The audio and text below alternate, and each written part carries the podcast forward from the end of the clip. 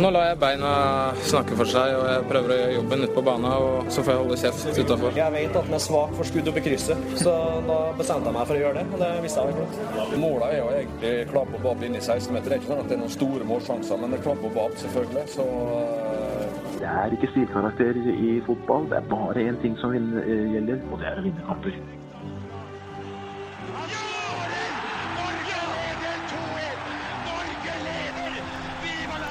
Og der er uh, toppfotball tilbake igjen. Og for første gang på det må være halvannet år, så er vi fulltallig. Fire mann! Fire mann i studio. Fantastisk. Ja, helt utrolig. tror du de klarer å skille oss fra hverandre på stemmene, eller blir det bare en grøt? Ja, du er litt hes i dag, så vi merker Ja, jo ja, jeg jeg er faktisk fremdeles hes fra mandagskampen. Og ropte. Ja, det er ærlig. Mer om det seinere, si. Mer om det seinere. Jørgen Kjernås, Lasse Wangstein, Håvard Lilleheie, velkommen. Takk. Takk. Håvard, det, det er lenge siden vi har, vi har sett ditt fjes. Ja, jeg har jo vært øh, i arbeid og på ferie og forskjellig. Forskjellig. Vært, øh, vært forhindret. Ja, Ja. ja, veldig rart. Jeg tar meg en litt rar lyd. Sånn er fint. Ja. Ja. Så men, men nå er jeg her. Uh, men det har vært Altså, jeg har hatt uh, litt sånn hektisk tid, så jeg har liksom ikke fått uh, fulgt norsk fotball så, så tett som jeg føler at jeg burde. Mm. Så det har vært eh, så det er godt å komme tilbake på en eller annen måte som en slags sånn novise i studio igjen, for å, for å liksom komme inn. Komme inn i hva som rører seg, i, i hvert fall eh, i Eliteserien Obos. Ja. Mm. Men hva er det du Kan ikke du si Du er så hemmelighetsfull. Kan ikke du si litt om hva du driver med om dagen, da? Åh, hva jeg driver med da? Nei, det er unevnelige ting. der. er, eh, hvis det kommer offentligheten uh, for øre, vil det Det ingen Nei, det har vært ja. Nei, jeg har eh, Jeg, jeg, jeg, jeg, jeg jobber på nyprogrammet til Jon Almaas. Ja. Ja, så det er veldig hyggelig. Ja. Hva Kan du si hva du skal gjøre? Nei, jeg skal bare være en fyr, da. Ja. Som er med og lager ting og sånn. Det klarer du. Ja, ja, ja. Jeg har gjort det. Vært eh, lineær-TV. Er Lineær-TV er noe jeg kan. Dette gleder jeg meg til. Ja, ja. Nei, når, er det vi, når er det det lanseres? Det har vært snakka om dette programmet ganske lenge. Ja, ja, ja, de har, på en måte, men det er jo også, stjerna er jo presentert, ikke sant. Sånn at det, hva som er vedheng, er jo av mindre interesse for offentligheten. Det er ikke så viktig. Men det begynner, mm, begynner vel i september, da. Oi, det er ikke ja, så ja. lenge til. ja, nei, det er ikke så lenge til. Det er ikke så lenge til. Jeg håper ikke det er sendinger på onsdager der. Nei. Nei, det får vi, det får vi se på. Ja, vi får se på det. Ja. Så ikke så får vi legge inn en liten, Stockholm. eh, Så kom litt. liten uh, protest opp i eh, TV Norge-land. Hvis ikke så kan vi jo liksom prøve å, å sette opp podkaststudio i TV-studio, og så kan vi bare liksom spille inn når Jon sier takk for i kveld, liksom. Ja, så kan de Så, så kommer dere tuslende inn, og så fortsetter Vi kan vaske etterpå hvis vi bare får ta over her en times tid. Det er bra. publikum sitter. ja, Jeg er med. Lasse Wangstein, velkommen. Takk for det, Martin Roppestad. Jeg må jo si at uh, det var eh, deilig da jeg så at dere begge skulle komme i dag. For vi må jo snakke om denne mandagskampen. Du har jo allerede listet opp uh, syv punkter for å hjelpe Vålerenga. Jeg vil kalle det en Twitter-rant. Det Ja, det var en Twitter-rant. Ja, ja. Punkt 1, 2, 3, 4, 5, 6, 7. Dette! Ja da, det er altså ikke noe tvil om at det var en rant. Selv om jeg hadde lagt fra meg kampen, roa meg godt ned og, og plukka det opp igjen en time og halvannen etter eh, kampslutt. Men eh, ja, Hadde, hadde du sett det på video etterpå med analyseverktøy? Nei, jeg hadde ikke det. Og det, og det er som jeg også skrev i en annen Twitter der, at, eh, Twitter-melding at det var jo ikke basert ene og alene på den kampen her. Dette er basert på ting jeg føler jeg har sett uh, i Vålerenga over lengre tid. Eh, før og etter Deila eh, inntog. Uh, og jeg har vel vært inne på noen av punktene her i studio før òg, tror jeg. Så det er ikke bare Det er ikke breaking news alt jeg kom med der, men det, det føltes veldig godt å få det av brystet en gang til. Ja. Vi må, ta, vi må snakke mer om den matchen etterpå. Men uh, Jørgen Kjernås, det er lenge siden vi har snakka om Hønefoss. Åssen går det med de? Jo, nå går det ganske bra, faktisk. Går det bedre? Det, det er ikke så gøy å snakke om ting som går bra, er det det? Er ikke Jo, artigere å snakke om ting som går dårlig? Nei om ting som går bra Det er hyggelig å høre at det går bra på Hønefoss. Ja, Hønefoss uh, slo Notodden 2-1 rett før ferien. Og så Det åp åpna de med å slå Vidar 3-1 hjemme nå, og var faktisk gode. Det er ikke så mange kamper man har sittet igjen med inntrykk av siste to-tre åra. At uh, man kan si at de vant, og det var fortjent, og det var gøy å se de spille. Men det, det, er, det er Lafton, ikke sant? Som, Frode Lafton, Ja, som er trener. Så har de jo henta hjem eh, Aleksandr Dmitrijev. Eh, han spilte jo landskamp for Estland senest i sommer, og så går han da tilbake til Hønefoss nå. Ja, hva, hva Får han seg jobb utenom og sånn da, eller hva er det som er Nei, man uh, har vel kanskje lagt noen penger på bordet da, for å sikre plassen. Ja, for det, er, det, er det Aka og Thoresen, eller som er eh, eller- Litt penger har man jo Ja, ja, ja, ennå i forhold til en del av de andre lagene i Mm. andre divisjon, i hvert fall. Selv om det ikke er noe ikke dit å går for å bli rik, men eh, nok penger til at man forhåpentligvis berger plassen, er det da. Men det er bra med cash i, i Hønefoss, men de ligger, de ligger på niendeplass. Ja, det er ganske jevnt nedi der, da. Det, nå handler det om å ikke bli en av de tre nederste. Mm. Uh, og det er klart at når du kjemper mot lag som Vindbjart og Byåsen, ikke noe vondt om de, men uh, det er jo lag Hønefoss skal ha bak seg på tabellen når det er spilt 26 runder.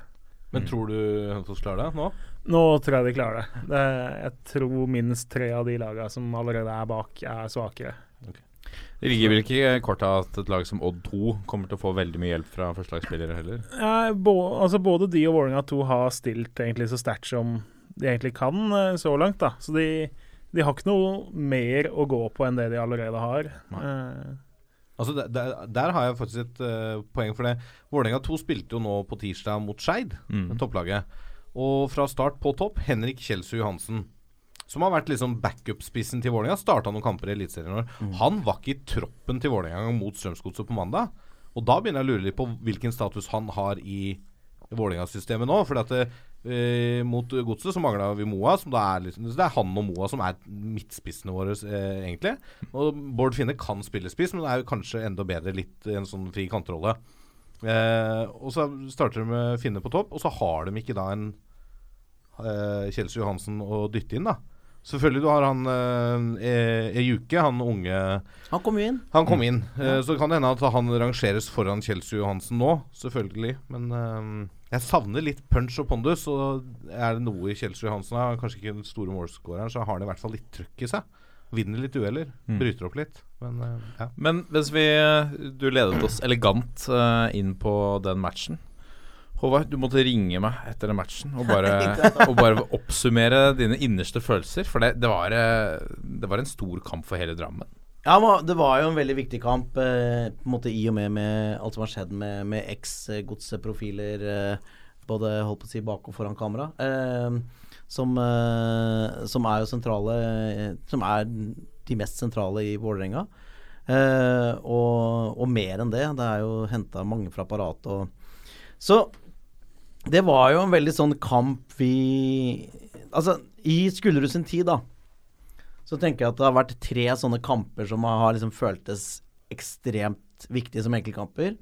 Og de to første har feila. Mot semifinalen mot Kongsvinger, cupen mot Mjøndalen.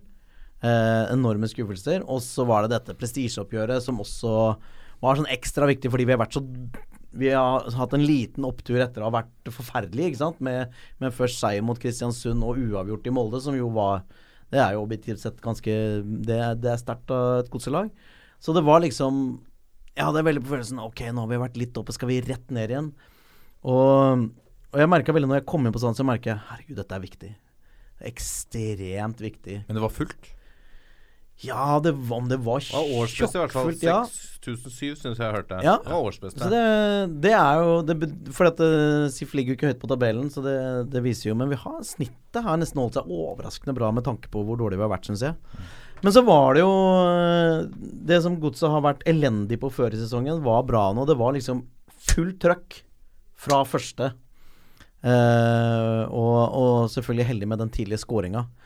Men det var eh, det ble, Altså, den Vålerenga og, og det, var, det var liksom bra over hele linja for Godset. Det var liksom veldig mye gode prestasjoner. Glesnes eh, spiller jo sin desidert beste kamp i SIF-trøya.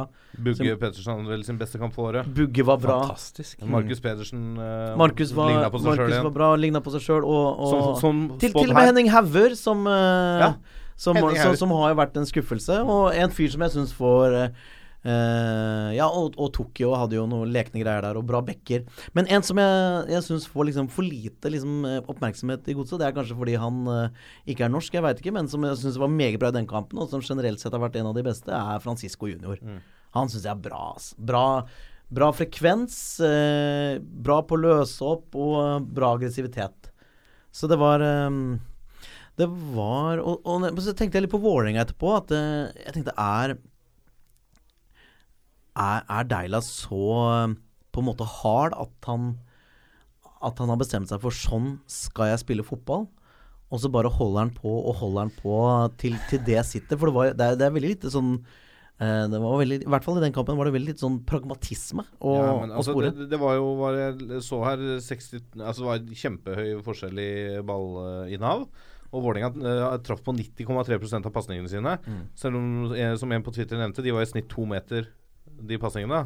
ja. Eh, men det er det høyeste tallet i, eh, i Eliteserien siden sånn statistikk ble begynt å f eh, ført. da Eh, 90,3% pasningssikkerhet. ja, og hvor stor prosentvis eh, andel possession hadde de? Det er over 60, tror jeg. Ja, ja. Ikke sant? Men, stemme men det hjelper jo ikke det, hvis ikke du har noe øh, sluttprodukt når du kommer på siste tredjedelen. Men- Kommer jo til flere sjanser. Ja, kom til noen sjanser. men, men det jeg savner i sånne kamper som det her, når, når Vålerenga får et uh, tidlig mål bak, det er at man har en form for plan B.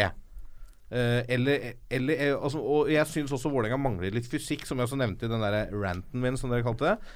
Eh, vi har litt for mange små litt spede spillere som blir tatt ut i duellspill.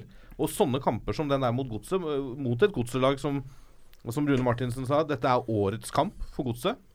Og det smitta på tilskuere, spillere, trenere, organisasjon. All, alt. For alle var dette årets kamp. For Vålerenga så var dette en kamp i haugen, liksom.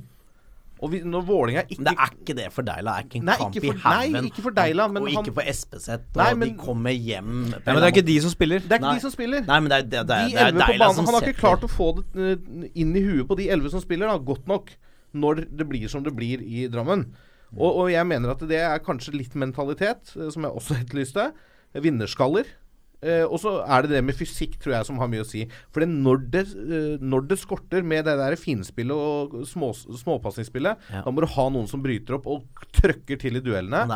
Og setter standarden. Ja, er, men, men med den oppstillinga de hadde i hvert fall i den kampen, så er det også vanskelig å spille eh, pragmatisk kynisk. For du, du har ikke mannskap til det. Du Nei, nei. må spille spillene. Og det var jo, det det var jo VM i bakrommet der Ja, for, ja, det også, men for det- Tokmak til tider. Ja. Det blir jo naturlig når uh, Vålerenga må fram og jage Ja, ja, men likevel, det var ganske ekstremt Ja, ja, hvor lett det, var å dette er jo dette er jo ikke uvant for oss som følger Vålerenga, og som har gjort det gjennom noen år. At uh, Å dunke en ball i bakrommet og beine etter, så skaper du målsjanser på Vålerenga. Gang på gang. Det skjer ofte, altså.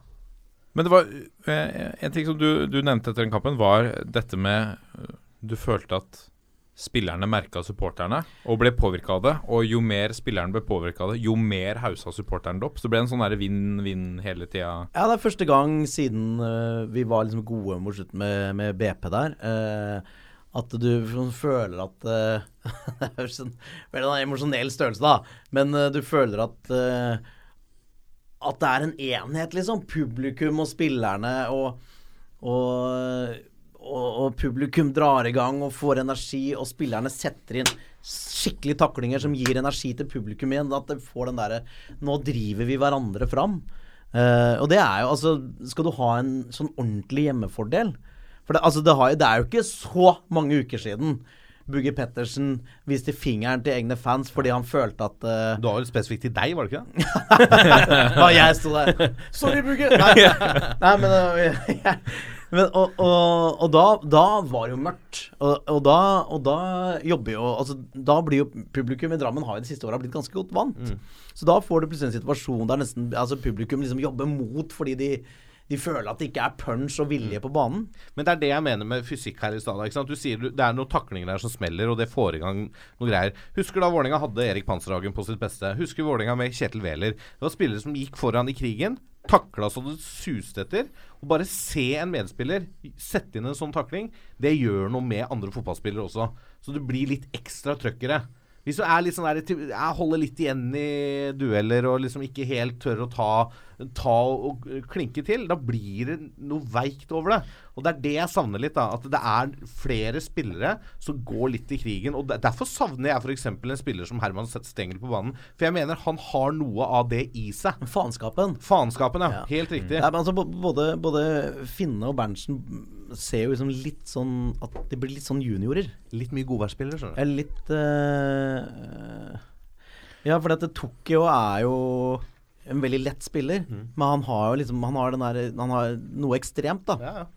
Apropos juniorer. Aron Dønnum fikk sin første kamp fra start. Det var en gang, eh, etter å ha sett Vålerenga United, så idet man kan legge en sånn kamp, så fikk jeg litt sånn Dette kan være arvtakeren til eh, Gya Saeed. Ja, Gyas eller til Daniel Fjæram Holm på høyrekanten her, da. Altså, eh, Aron eh, er en spennende spillertype. Han har ganske bra fysikk, faktisk. 19, 19 år. 19 år. Um, jeg vet at det er flere som har trua på at han kan eh, bli en eh, god eliteseriespiller. Um, Han var i hvert fall ikke noe svakere enn resten av det. Han, han han prøvde å en av Vålerengas beste. Ja. og han virker uredd.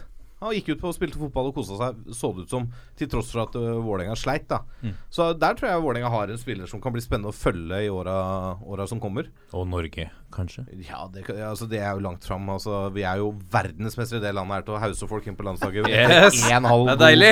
God, god, god seriekamp. Ja, men det er det vi har. Ja, det er det vi har. Halmstrå.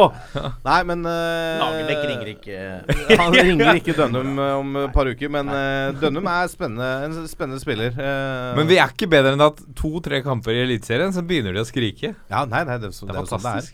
Det er klart veldig, det er- veldig fascinerende. Det er jo ikke så veldig Jeg mange syns år Tokim må få siden sjansen, jeg. Jeg det. Ja, nå er det på tide. ja, Det er Så ikke så frekk. veldig mange år siden at det var en uh, ikke-nevnt journalist uh, i VG som har vært i TV 2 og NRK før, uh, fra Lillestrøm, eller Erlingen, som uh, hoppa hekk i går, hvis, for de som følger med i sosiale medier, Ja, jeg. som lanserte Øyvind Hoås som spiss på landslaget. Ja. Og da hadde vel Hoås spilt halvannen god tippeligakamp, tror jeg. Det var på det tidspunktet at Jørgen Kjernås introduserte lanserte Yasar Karadas. Ja, Men det er jo faktisk en helt grei lansering. Benkesliter i Brann. Ja, han var ja, jo men altså- instrumentell og fin og hadde et godt blikk. ja, Det sier litt, da. De hauser folk fort inn på landslaget her. Har vi fått noe ratings av Wangstein? Du, Flekk, det kan jeg tenke meg at vi har. Flekke opp uh, telefonen. Jeg syns det var noe Vi har noe fått to. hyggelig. Vi har fått to? Ja, vi har fått en uh, som har overskriften 'Sutre-Ingebrigtsen'. Oh, ja. Fem stjerner fra 433-fanatiker. Eh, nydelig pod om norsk fotball. Forslag. Reis rundt i norske klubber, prat med ledere, trenere, supportere, barne- og ungdomsavdeling. Lag f.eks. en FK Haugesund spesialsending. Ja, nå må jeg, nå må jeg ha lønn. Da må jeg ha lønn. Nei, men altså, altså Vips. Det er jo ikke så lenge til en ny sesong. Ja, Det er spennende Da å ta for seg klubb for klubb. Ja, altså Jeg har jo sett i år at det flere klubber på kickoff har hatt livepodkaster. Ja. Vi stiller selvfølgelig opp Ja, på vi skal ta for oss klubben din. land- Ja, ja, vi kommer, vi. Bare å ringe. Uh, Send mail til tofffotball at 451.no. Helt riktig. Uh, neste er fra Sebastian Matei. Takk for dybden i norsk fotball. Tusen takk for all dybden dere tar tak i i norsk fotball. Gjerne enda mer om Vålerenga. Og jeg håper dere kan diskutere hva som egentlig har skjedd med østlandsfotballen versus Vestlandet. Savner HamKam, Lyn, Hønefoss osv. i øverste liga. Hilsen Enga-supporter. Kjernås, Hva har skjedd med østlandsfotballen? hva har skjedd med østlandsfotballen kontra uh, Vestlandet? Nei, ja, det, det tror jeg vi må ha en egen sending for, i så fall for å gi et godt svar på. Men uh, det kommer jo alltids opp noen nye, da. Ja. Når Fredrikstad går ned, så kommer Sarpsborg opp. Og ser du totalt sett, så er det jo ikke akkurat som at man sliter, men det er jo eh, På nivå to, da, så er det jo litt forandringer. Der har det jo vært ganske mange lag eh, fra Østlandet. Og så har jo mange av de gamle traverne forsvunnet, og så kommer eh, eh, Aust-Agder opp, blant annet, og får noen inn. men det eh, jeg tror ikke det er noe går an å si liksom som helhet at Østlandet sliter. Men det, Østlandet sliter med å ha gode, stabile topplag, da. Og, Men det har man egentlig Det er all, det har man jo alltid gjort, på en måte. Det eh, klart Nå er det jo Nordvestlandet som presterer sånn veldig over hva man kan forvente. Ikke sant, per nå, på, Ja, men jeg tenker jo altså, at det er mer eh, interessant å se på enkeltklubber. Da. Altså Haugesund, eksempel, som er et av de lagene du kan si at overpresterer.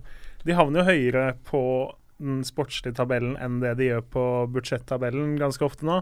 Sogndal har jo et høyt budsjett, men har jo eh, får jo mer ut av klubben enn det et sted som, eh, hvor det bor 5000 mennesker, burde få til. da. Mm. Eh, så det handler jo egentlig mer om at i f.eks. de to klubbene eller i Sarpsborg, så er de veldig gode på klubbdrift og henter de riktige spillerne, får mye ut av hver krone. Uh, mens, Men- ja, mens du kan si at da Hønefoss uh, har ikke gjort det, Fredrikstad har ikke gjort det, Uh, Lyn er jo en helt egen historie, uh, osv. Men altså at de klarer det på sånne steder, det er jo én ting. Det er dyktige folk og sånn. Men hvorfor får ikke for da liksom Vålerenga og Lillestrøm og sånne klubber til å drive klubben like riktig og godt som de klubbene fra litt mindre steder? Jeg fatter Det handler jo også litt om at hvis du er fra et litt mindre sted, eh, så vil det for den gjengse innbygger føles enda gjevere med et eliteserielag. Det er klart at i Kristiansund nå så føles det jo helt rått at de er der oppe. Uh, og i Sogndal så er det jo nesten sånn ganske rått evighetsprosjekt. Uh, men de har jo campus, og de har på en eller annen måte lagd en egen, egen greie rundt det. Eh, og Sarpsborg så kan det jo De har jo veldig lenge vært Fredrikstads lillebror, så det er klart at de òg elsker jo dette her. Å være mye bedre enn FFK. Ja, ja, selvfølgelig. Og det er jo litt sånn, altså I Kristiansund nå så er jo hver eneste kamp er jo egentlig det kuleste som skjer på en måte den måneden i uh, Det er en viktig he- faktor. På hele Nordmøre. Nei, men veldig grovt uh, og litt halvflåste sagt. Da. Men altså, Vålerenga og Lillestrøm har nok av åttende- uh, og tolvteplasser i Eliteserien. til- Altså, det er ikke noe sexy å møte Tromsø eller Kristiansund hjemme for dem. Gjør de to lagene det bra, så kommer du for å se at Vålerenga er bra. Men det er jo ingen i Oslo som kommer for Hei, Kristiansund kommer på besøk til Ullevål, liksom. Det, eller Tromsø kommer på besøk, eller Sogndal kommer tilbake på besøk. Eh, og altså, du har jo andre ting i Oslo. Eh, nå er vi veldig sånn, ikke sant, veldig stereotype, men i Kristiansund, der snakker du sannsynligvis om den matchen. Du snakker altså, Tenk når de hadde Rosenborg på, på besøk. Alle i Kristiansund visste hvilket klokkeslett og hvilken dato de kom. Eh, mens på Ullevål så er det litt sånn Klart at det trekker jo noen ekstra når de store klubbene, altså når Rosenborg og Lillestrøm og Brann kommer, men det er ikke noe sånn at Oslo på en måte går, står på huet fordi at Brann skal komme om ti dager. Jeg tror det er ganske mange som uansett vær, f.eks. i morgen, velger Øyafestivalen foran uh, Vålerenga-Elverum i cupen på Ullevål, f.eks. Ja. ja. Jeg vet ikke hva som er mest Det er mange steder da at, at cupen på en eller annen måte eh, i mange klubber ikke har sånn ordentlig relevans for det publikum før du kommer helt Tror jeg, da. Ja, ja. Ja, ja. Det kan du si, Uh, men det var det sant. Freddy sa? Han pleide alltid å legge inn uh, Øya-streken. Freddy dos Santos. Ser ut som han har gjort det nå, med akill- han har Ja, røket akillesen. han, Liten strekk rett før Øyafestivalen, så han fikk gått på Øyafestivalen. ja, han fikk gått på den, ja. Ja, ja. Øya-streken. Vi skal prate om eh, så mangt i eh, dagens eh, sending. Vi skal om et lite øyeblikk gløtte innom Fantasy. Jeg vet at det er i hvert fall én i dette studioet som gjør det veldig godt her for tiden. Eh, så skal vi innom vår, eh, vår nye spalte hashtag hjelp Håvard, hvor vi skal hjelpe deg med hva som har skjedd i norsk fotball i det siste, Håvard. Ja, det er hyggelig. Du har jo vært, eller, ligget i dvale. Eller vært i en slags dvale, ja. Ja. Eh, så skal vi selvfølgelig ha pulsen, litt ryktebørs og runde av med en preview til neste serierunde. Dette er toppfotball. Så til eh, denne ukens eh, aller, aller viktigste spalte. Uh, Fantasy uh, Eliteserie Manager. Må ikke overdrive nå, Ropstad. Selv om du føler deg jævlig høy og mørk om dagen. jeg er nå inne på topp 50, Lasse Wangstein. Ja. Topp 50 i toppfotballigaen. Topp 50 i toppfotballigaen. Ja, det er på det. Ikke Ja, det- nasjonalt. Nei, Ikke nasjonalt, nei. Nei, Nei, nei. det er helt uh, riktig. Jeg vet ikke hvordan det ligger an. Men med for de nasjonalt. av som er helt, stusslig, helt i offside, hvor mange er med i toppfotballigaen? 300. Ja, da er jo ikke topp 50 så ille. Hadde det liksom vært Hadde det er 72 med, hadde jeg topp 50, så Da hadde jeg vært litt trist på Men jeg har jo glemt å bytte nå. Hva, Ja. hva betyr det? Er det jeg ser, Ja, det spørs jo Lisijevskij jeg- han burde det, vært byttet ut, ser Det jeg. jeg kan si, at i forrige runde så fikk du 30 poeng, og det er, da, da var det dumt å ikke Det var dumt å ikke bytte. Det, Er det på tide å bruke wildcard nå, eller? Ja, det syns jeg. Og hva er wildcard, Roppestad, for de som ikke vet det? Wildcard, da kan du, kan du benytte ved å bytte ut hele ditt lag og erstatte det med 11 flunkende, 15-16 flunkende nye spillere. Uten å gå i minuspoeng. Uten å gå i minuspoeng. Og disse poengene er ganske, begynner å bli ganske viktige, for det er, det er bare noen poeng som skiller på hver plass.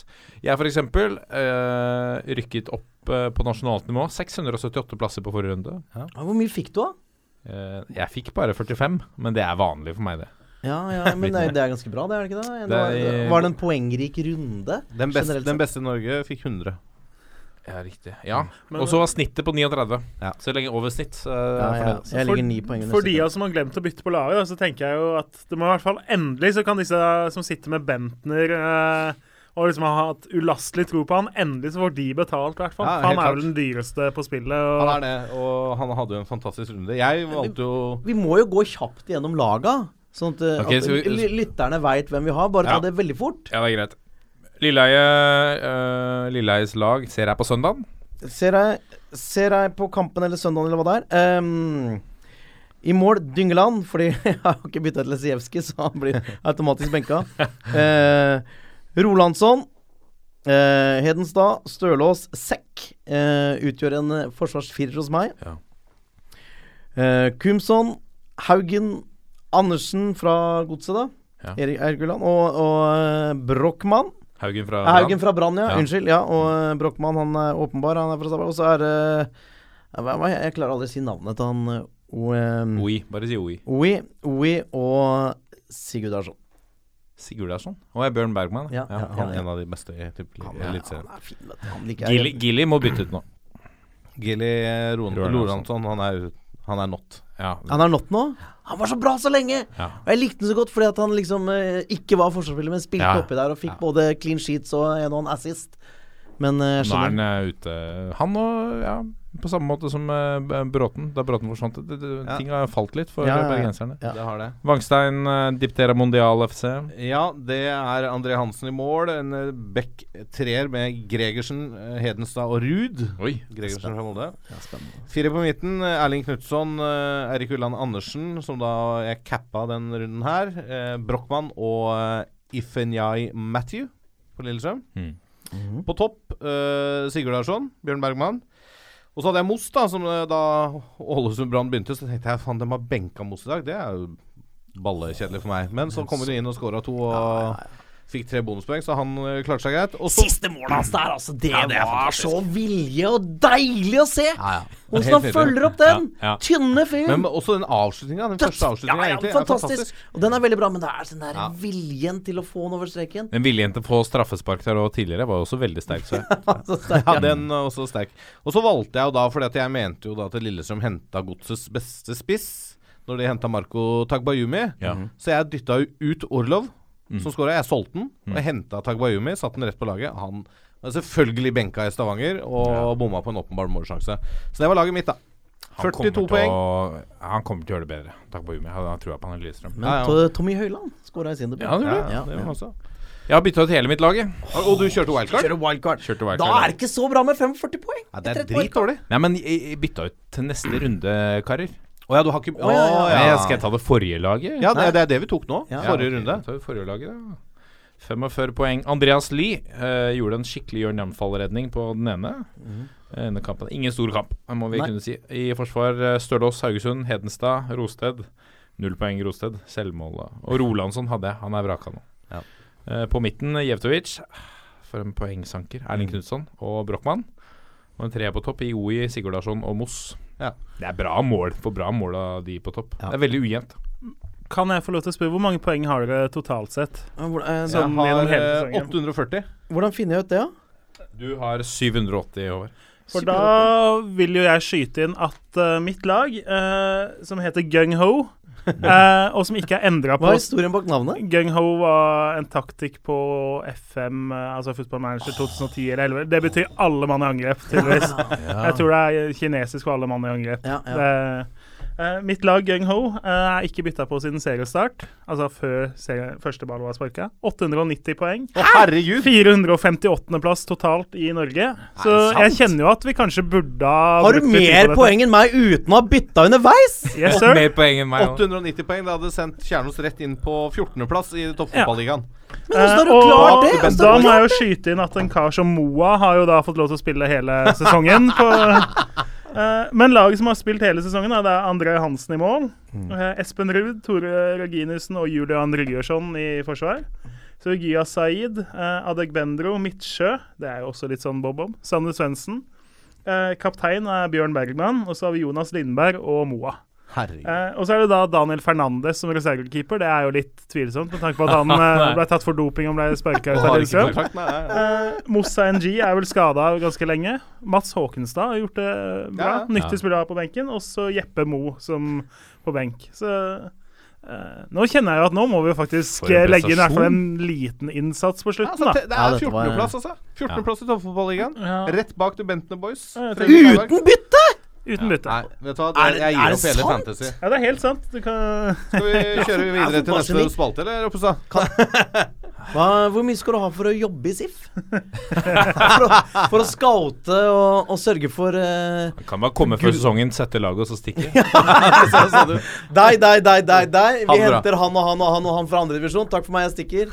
Sender faktura i posten. Men det var litt som Tom Nordli sa da han var her. Han kom inn i Vikinggarderoben, så sa han dere elleve kommer til å spille. Dere Resten av dere skal bære vannet. Ja. Nå kjører vi. Dere tre innbyttere, Ja. kjør.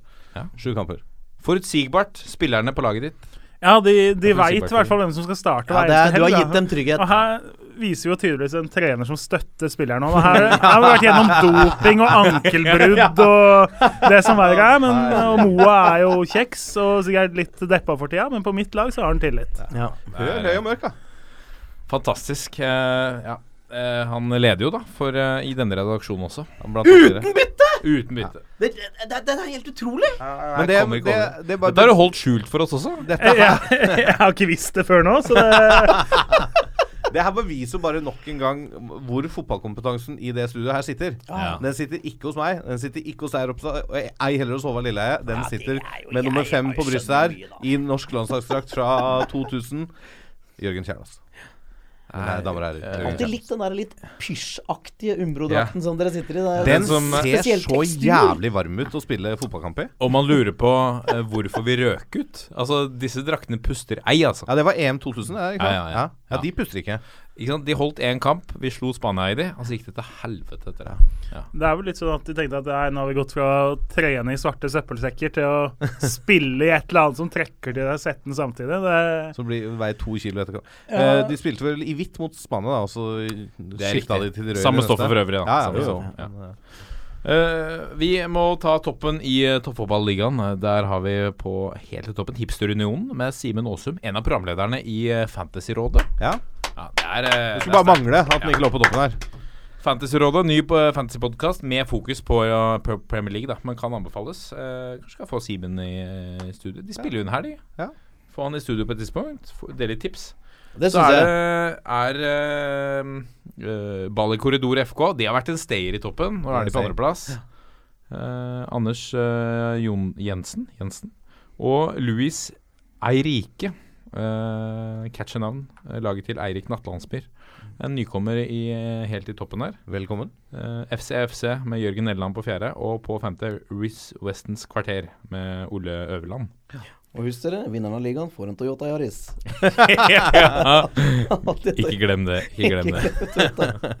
Sponset av Håvard Lilleheie. Vinneren får uh, overtrekksjakka til Bjørn Hansen fra VM 98, var det ikke det? Ja, det var, vi, vi fant ut at det måtte være Bjørn Hansen sin. Må være Bjørn Det var en overtrekksjakke fra VM 98 i hvert fall. Ja, det som uh, Roppestad har i hvelvet sitt. Oh, Fra Bjørn Hansen. Må begynne å skjerpe deg. Melde deg Ja, på. nå det- Sanke litt poeng. Bjørn Hansen, ja, Kjøre et wildcard. altså, ja.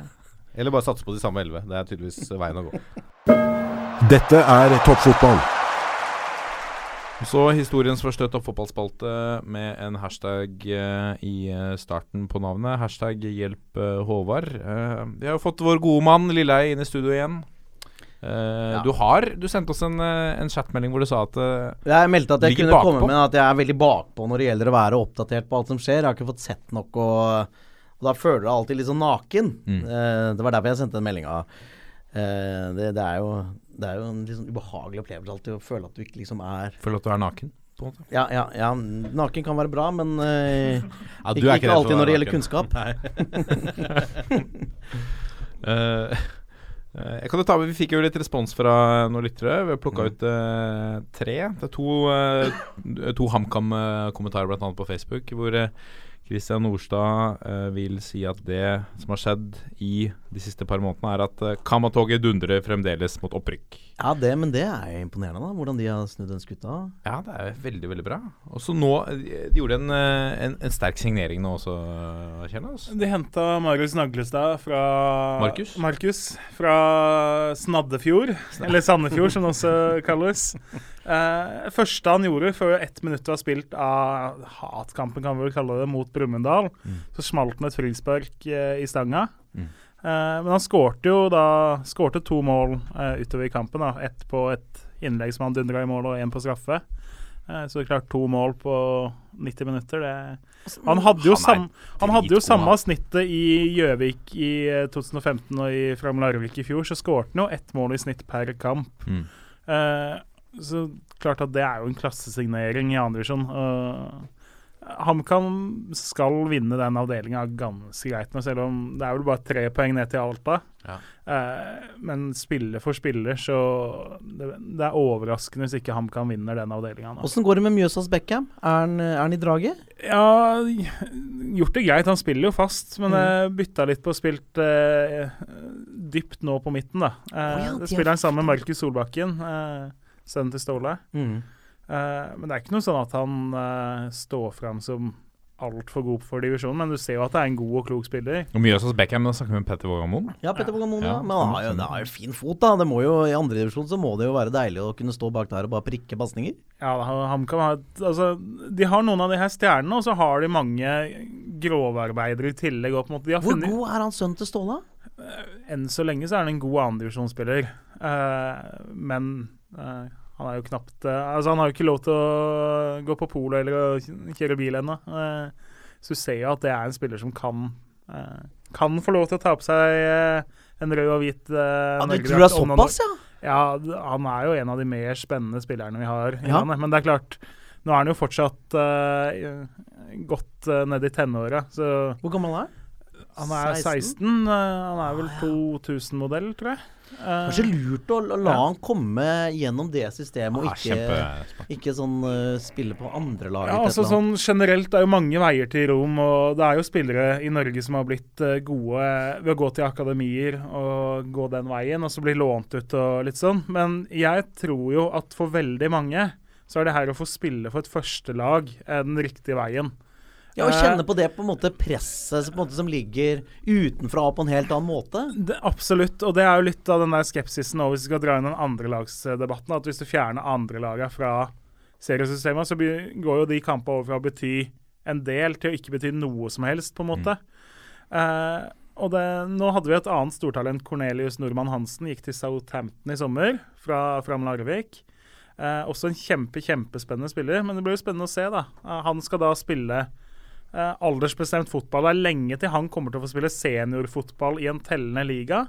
Mens f.eks. Markus Solbakken kommer til å få mange kamper som betyr noe. da. Er det han som stilte opp på signeringsbildet i uh, dress og tvers over sløyfe? Det var ikke bare dress, det var vel rein smoking. Det var smoking, altså smoking han, uh... Ja, Men samtidig, da, for, for å snakke om en, en sånn overgang, så er det jo på en eller annen måte kanskje litt spennende å gå til et sånt akademi versus uh, City eller United. Ja. Southampton er jo Men- kjent for å være god gode på å få opp egne. Når det gjelder A-lag, en ting er det du sier presset og følge på presset, men en annen ting er det der at du spiller på en, et fast lag hvor det er en gruppe som alle har det samme målet, det er at det A-laget skal bli bedre.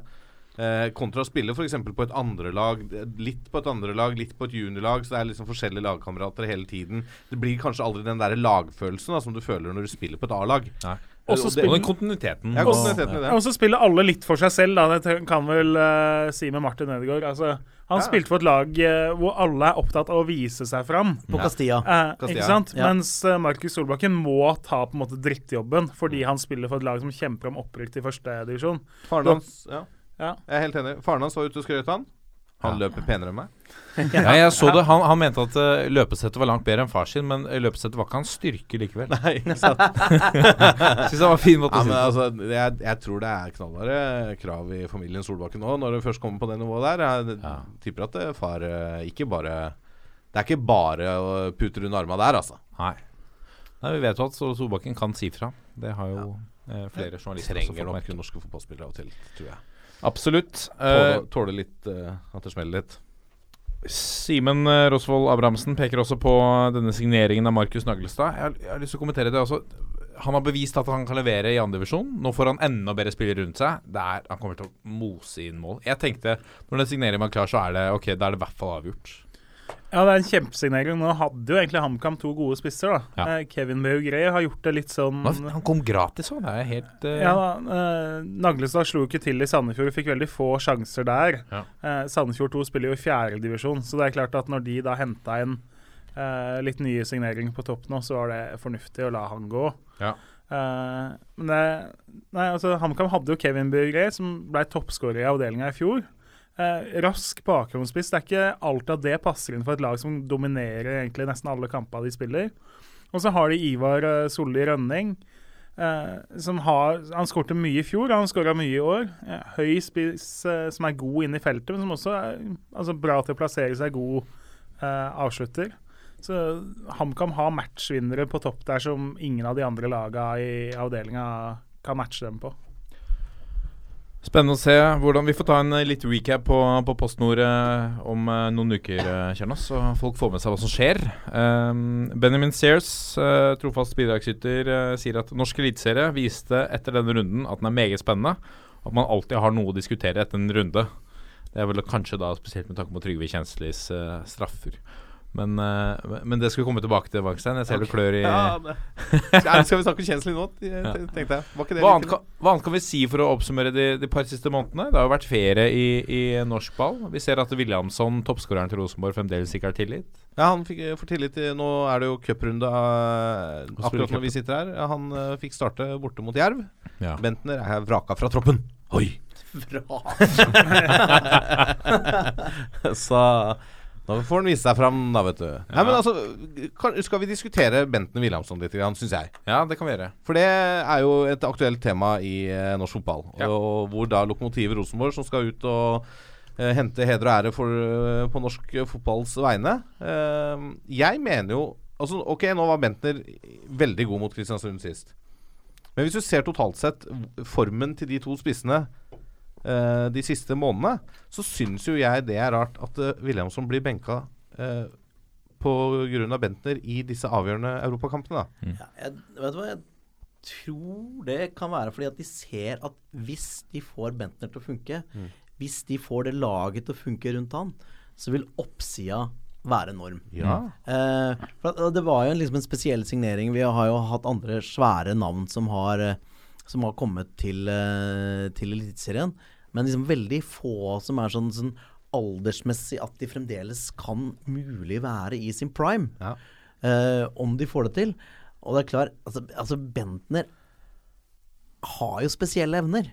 Og du ser jo på noen av de målene han scorer at det er, Fy faen, han bare dundrer han rundt den der. Ja, oppi borte, Det er sånn så bestemt og sånn, men så, så blir det statisk sånn ellers. Men jeg, jeg tror at det, hvis Rosenborg får til Bentner, så er de kanskje uslåelige i Norge. Ja, men altså, jeg tror Rosenborg vinner eh, det seriegull. Og det har jeg sagt hele veien, eh, uansett om de bruker han eller Williamson. Men jeg mener jo det at eh, en trener skal jo ta ut de elleve beste spillerne. De som gjør deg best rusta til å vinne fotballkampen. Og jeg tror jo Ja, skal en trener alltid Ja, bør han ikke det, da? Ja, altså, altså vi har jo et, et Rosenborg-lag, da. Som, eh, som er jo høyt diskutert i Norge. Mm. Eh, og som eh, får kjeft for at de ikke er gode nok og ikke spiller nok Rosenborg-fotball. Men de går jo hen og vinner. Altså, Ja. det, det kan vi regne med. Men nå tenker jeg Europa. Ja, de, de tenker Europa, og da Jo, jeg tenker jeg at hvis jeg du får til Bentner, så Ja. har du en spiss som kan Men bør ikke de da, hvis han viser da rett før europakvaliken begynner, at han ikke har nådd det formnivået vi håpa at han skulle være på, Ja. bør ikke da de velge den spilleren som er i bedre form, og så skåre flere mål, som midtspiss? Ja, Der er jeg helt enig. Jeg jeg er helt enig med deg, Håvard, med, med, med tanke på dette at når, altså hvis, eller når Bentner virkelig slår til og blir samkjørt med det laget, så er det eh, Da er det, det, er det maskin igjen. Da er, det, da er vi nesten tilbake til, syns jeg, da, nesten tilbake til gode, gamle takter. Ja, ja. Men jeg er helt enig at på det tidspunktet med eh, Vi satt og så den kampen sammen, Rosenborg Celtic. Jeg kasta ut en brannfakkel hvor jeg mener at kanskje Bentner-overgangen sørga for at Rosenborg ikke kom til Champions League. Jeg mener at hadde de spilt med Williamson rør. Nei, det er ikke re- Nei, mener du det? Jeg, Ja, jeg mener at hadde de er spilt med Williamson i Altså gitt han tillit i de matchene, så tror jeg de hadde Så tror jeg det hadde gått videre. Den store forskjellen Altså, Bentner er en bedre spiller enn Williamson, Williamson har fantastisk punch! Eh, det er jeg enig i. Helt Ja. nydelig. Jeg så en tweet, mener jeg det var, som oppsummerte sånn som jeg tenker jo veldig godt, eh, at Bentner har alle kvaliteter til å være en perfekt Rosenborg-spiss. Altså, han er svær, han er god i boksen, han leser spillet godt, eh, men han, ev han er ikke riktig spillertype. Eh, han bruker ikke de ferdighetene sine godt nok i det systemet Rosenborg spiller. Eh, han er en mye bedre spiss enn Gytskjær og Søderlund, som begge er på, har vært over 20 mål for Rosenborg. Eh, de har ligget som en midtspiss, ligget og venta på innlegg, lukta i boks, jobba der. Så du ser på Bentner hvor han mottar ballen, hvor Trekker han befinner seg Han er nede og nesten nede som dyp midtbanespiller ofte, og vi har ballen feilvendt der. Det er veldig Eh, forutsigbart. De gangene han har vært god, når han var god den eh, lille perioden mot Celtic i annen gang òg, Mm. så lå han høyt oppe, kunne stusse videre, flikke videre på én eller to touch. Der er han kjempegod, og så er han god inne i boksen. Eh, han virker for utålmodig. Det har han gjort lenge. Ser ut som han vil på en måte ha, ha ballen, vise at han kan bidra. Han har ikke løsna liksom helt fra starta. Så da begynner du å trekke deg ned for å få mer ballinnehav. Og det Jeg lurer på om liksom tenker Rosenborg samme, fordi de har vært veldig konsekvente med de tidligere spissa de har hatt før han. At de ligger bare inne der, har den rollen. Tør de på en måte å si det samme til Benter, eller har han et navn og så mye autoritet at det er vanskelig å gi ham beskjed om at ikke gå så langt ned? Jeg, jeg, det, det tror jeg helt sikkert de sier til han. At de sier hvordan jeg, jeg tenker at det kan ha med å gjøre at han er jo vant til å spille med spillere på et høyere nivå. Og så når ting ikke går så fort og sånn som han hadde tenkt, så blir han utålmodig. Det er noe de må jobbe med. Men altså, hvis jeg sammenligner med Bjørn Bergman Sigurdarsson, da, eh, Eliteseriens beste spiss, som jo har jo mer sånn på en eller annen måte gjennombruddskraft og trøkk. Han, han, du ser han noen ganger sånn eh, Når jeg- så mot, eh, mot Godset Gods og sånn på gammelgress, så tenker jeg å ja, han er litt sånn Han er unplayable noen ganger på dette nivået. Men Bentner er jo en bedre avslutter. Ja, Kanskje. Ja. Uh, vist lite av det så langt. da Avslutningsegenskapene. Vært god, tidvis briljant i, i, altså i, i, i spillfasen. I oppspillsfasen Ja, sånn. Men ikke sant, jeg er jo helt enig med Jørgen at han, han bruker seg selv og sine egenskaper feil i Rosenborg-maskineriet. Uh, Syns jeg. Virkelig. Og jeg har jo et eksempel uh, Så, eh, Vangs, jeg må avbryte. For Ja. eh, Vi har jo oddskongen uh, Kjernås i studio. Nå jublet, jublet du besatt. Hva er det du har uh, Hva er det som gikk inn her nå? Nei, nå? er jo, Dette blir jo litt bakpå når den kommer på lufta, men eh, Jerv leder 1-0 mot uh, Rosenborg. eh, så det passer jo litt godt inn i i Det har du satt penger på. Kanskje. Sorry, Magnus. Nei, men det er greit. Men uh, Vålerenga hadde en spiller for en del år siden, en eh, ganske rask uh, jamaikaner som heter Luton Shelton. Mm. Som i starten av sin Vålerenga-karriere konsekvent gikk i å, å møte. Ja. ja. Han, mø- han møtte ball, og så måtte Bengt Seternes gå i bakrom. Det skulle jo være omvendt. Bengt Seternes skulle susse han gjennom. Men når, han, når de klarte å få han til å forstå Nei, du skal løpe mot mål. Ja. Så kommer ballen dit. Løp. Da han forsto det, da skåra han jo åtte mål på tolv kamper eller noe sånt i en høstsesong der, og var briljant. Men før det så kom han bare opp og skulle møte Og det, han var, hadde ikke styrken til det. Han var ikke eh, taktisk klok nok til å være en møtende spiss. Han skulle bruke farta, men det skjønte han ikke sjøl. Og det, det, det føler jeg kanskje er litt av problemet til Bentner òg. At han bruker seg selv feil i måten Rosenborg bør og vil spille på. Og der, der tror jeg eh, Williamson er bedre, for han forstår det bedre per i dag. Bedre på dagens Rosenborg-lag, kanskje? Ja. Lille jeg. Ok, da. Dette er jo Hjelp Ja, Håvard-spalten. ja, ja, hjelp over. Så nå fikk du hjelp. Nå vet du det. Men det er Altså, begynn å følge med litt! Nei, men jeg synes noen av de måla jeg ser eh, Bentner skåre, så tenker jeg fy faen, for en, Jeg er helt enig. for Det er jo er klasse. når, du, når du sitter den måten Men det er for få av de. Det er syv. Hvor mange er det? Er. Syv mål så langt? Ingen andre har liksom det der tilslaget der. Nei, det kan være enig i. Men det skjer for sjelden. vi har vel snakka ganske mye om eh, Altså Rosenborgs angrepsspill har jo gått ganske mye i stå, og vi skal ikke gi Bentner hele skylda for det. Nei, nei. Uh, men ikke sant det er litt flere faktorer her òg. Altså, Midtsjø og Jensen har ikke vært i nærheten av så gode som det de har vært i 2015 og 2016 Det er f.eks. Uh, Indreløperen har vært viktig for Rosenborgs angrepsspill. Det, jeg mener at de to kanskje har vært de viktigste enkeltspillerne de har hatt de to siste åra. Eh, sammen med Tore Reginiussen, annet. da. Men uh, også kantspillerne. Mye skader, lite kontinuitet, lite Altså, det er ingen av kantspillerne til Rosenborg heller som du kan si at oi, han har vært god i år. Uh, Helland vis glimtvis. Altså, klart, ute. Jeftovic har scora mye, men han har jo sine klare mangler. Det så du veldig mot Celtic. Så eh, det er ikke bare Bentner som gjør at Rosenborg ikke er imponerende i angrepsspillet, da. Vi må jo huske at de leder jo serien og kommer til å vinne serien, Ja. men uh, likevel, da. De imponerer jo ingen.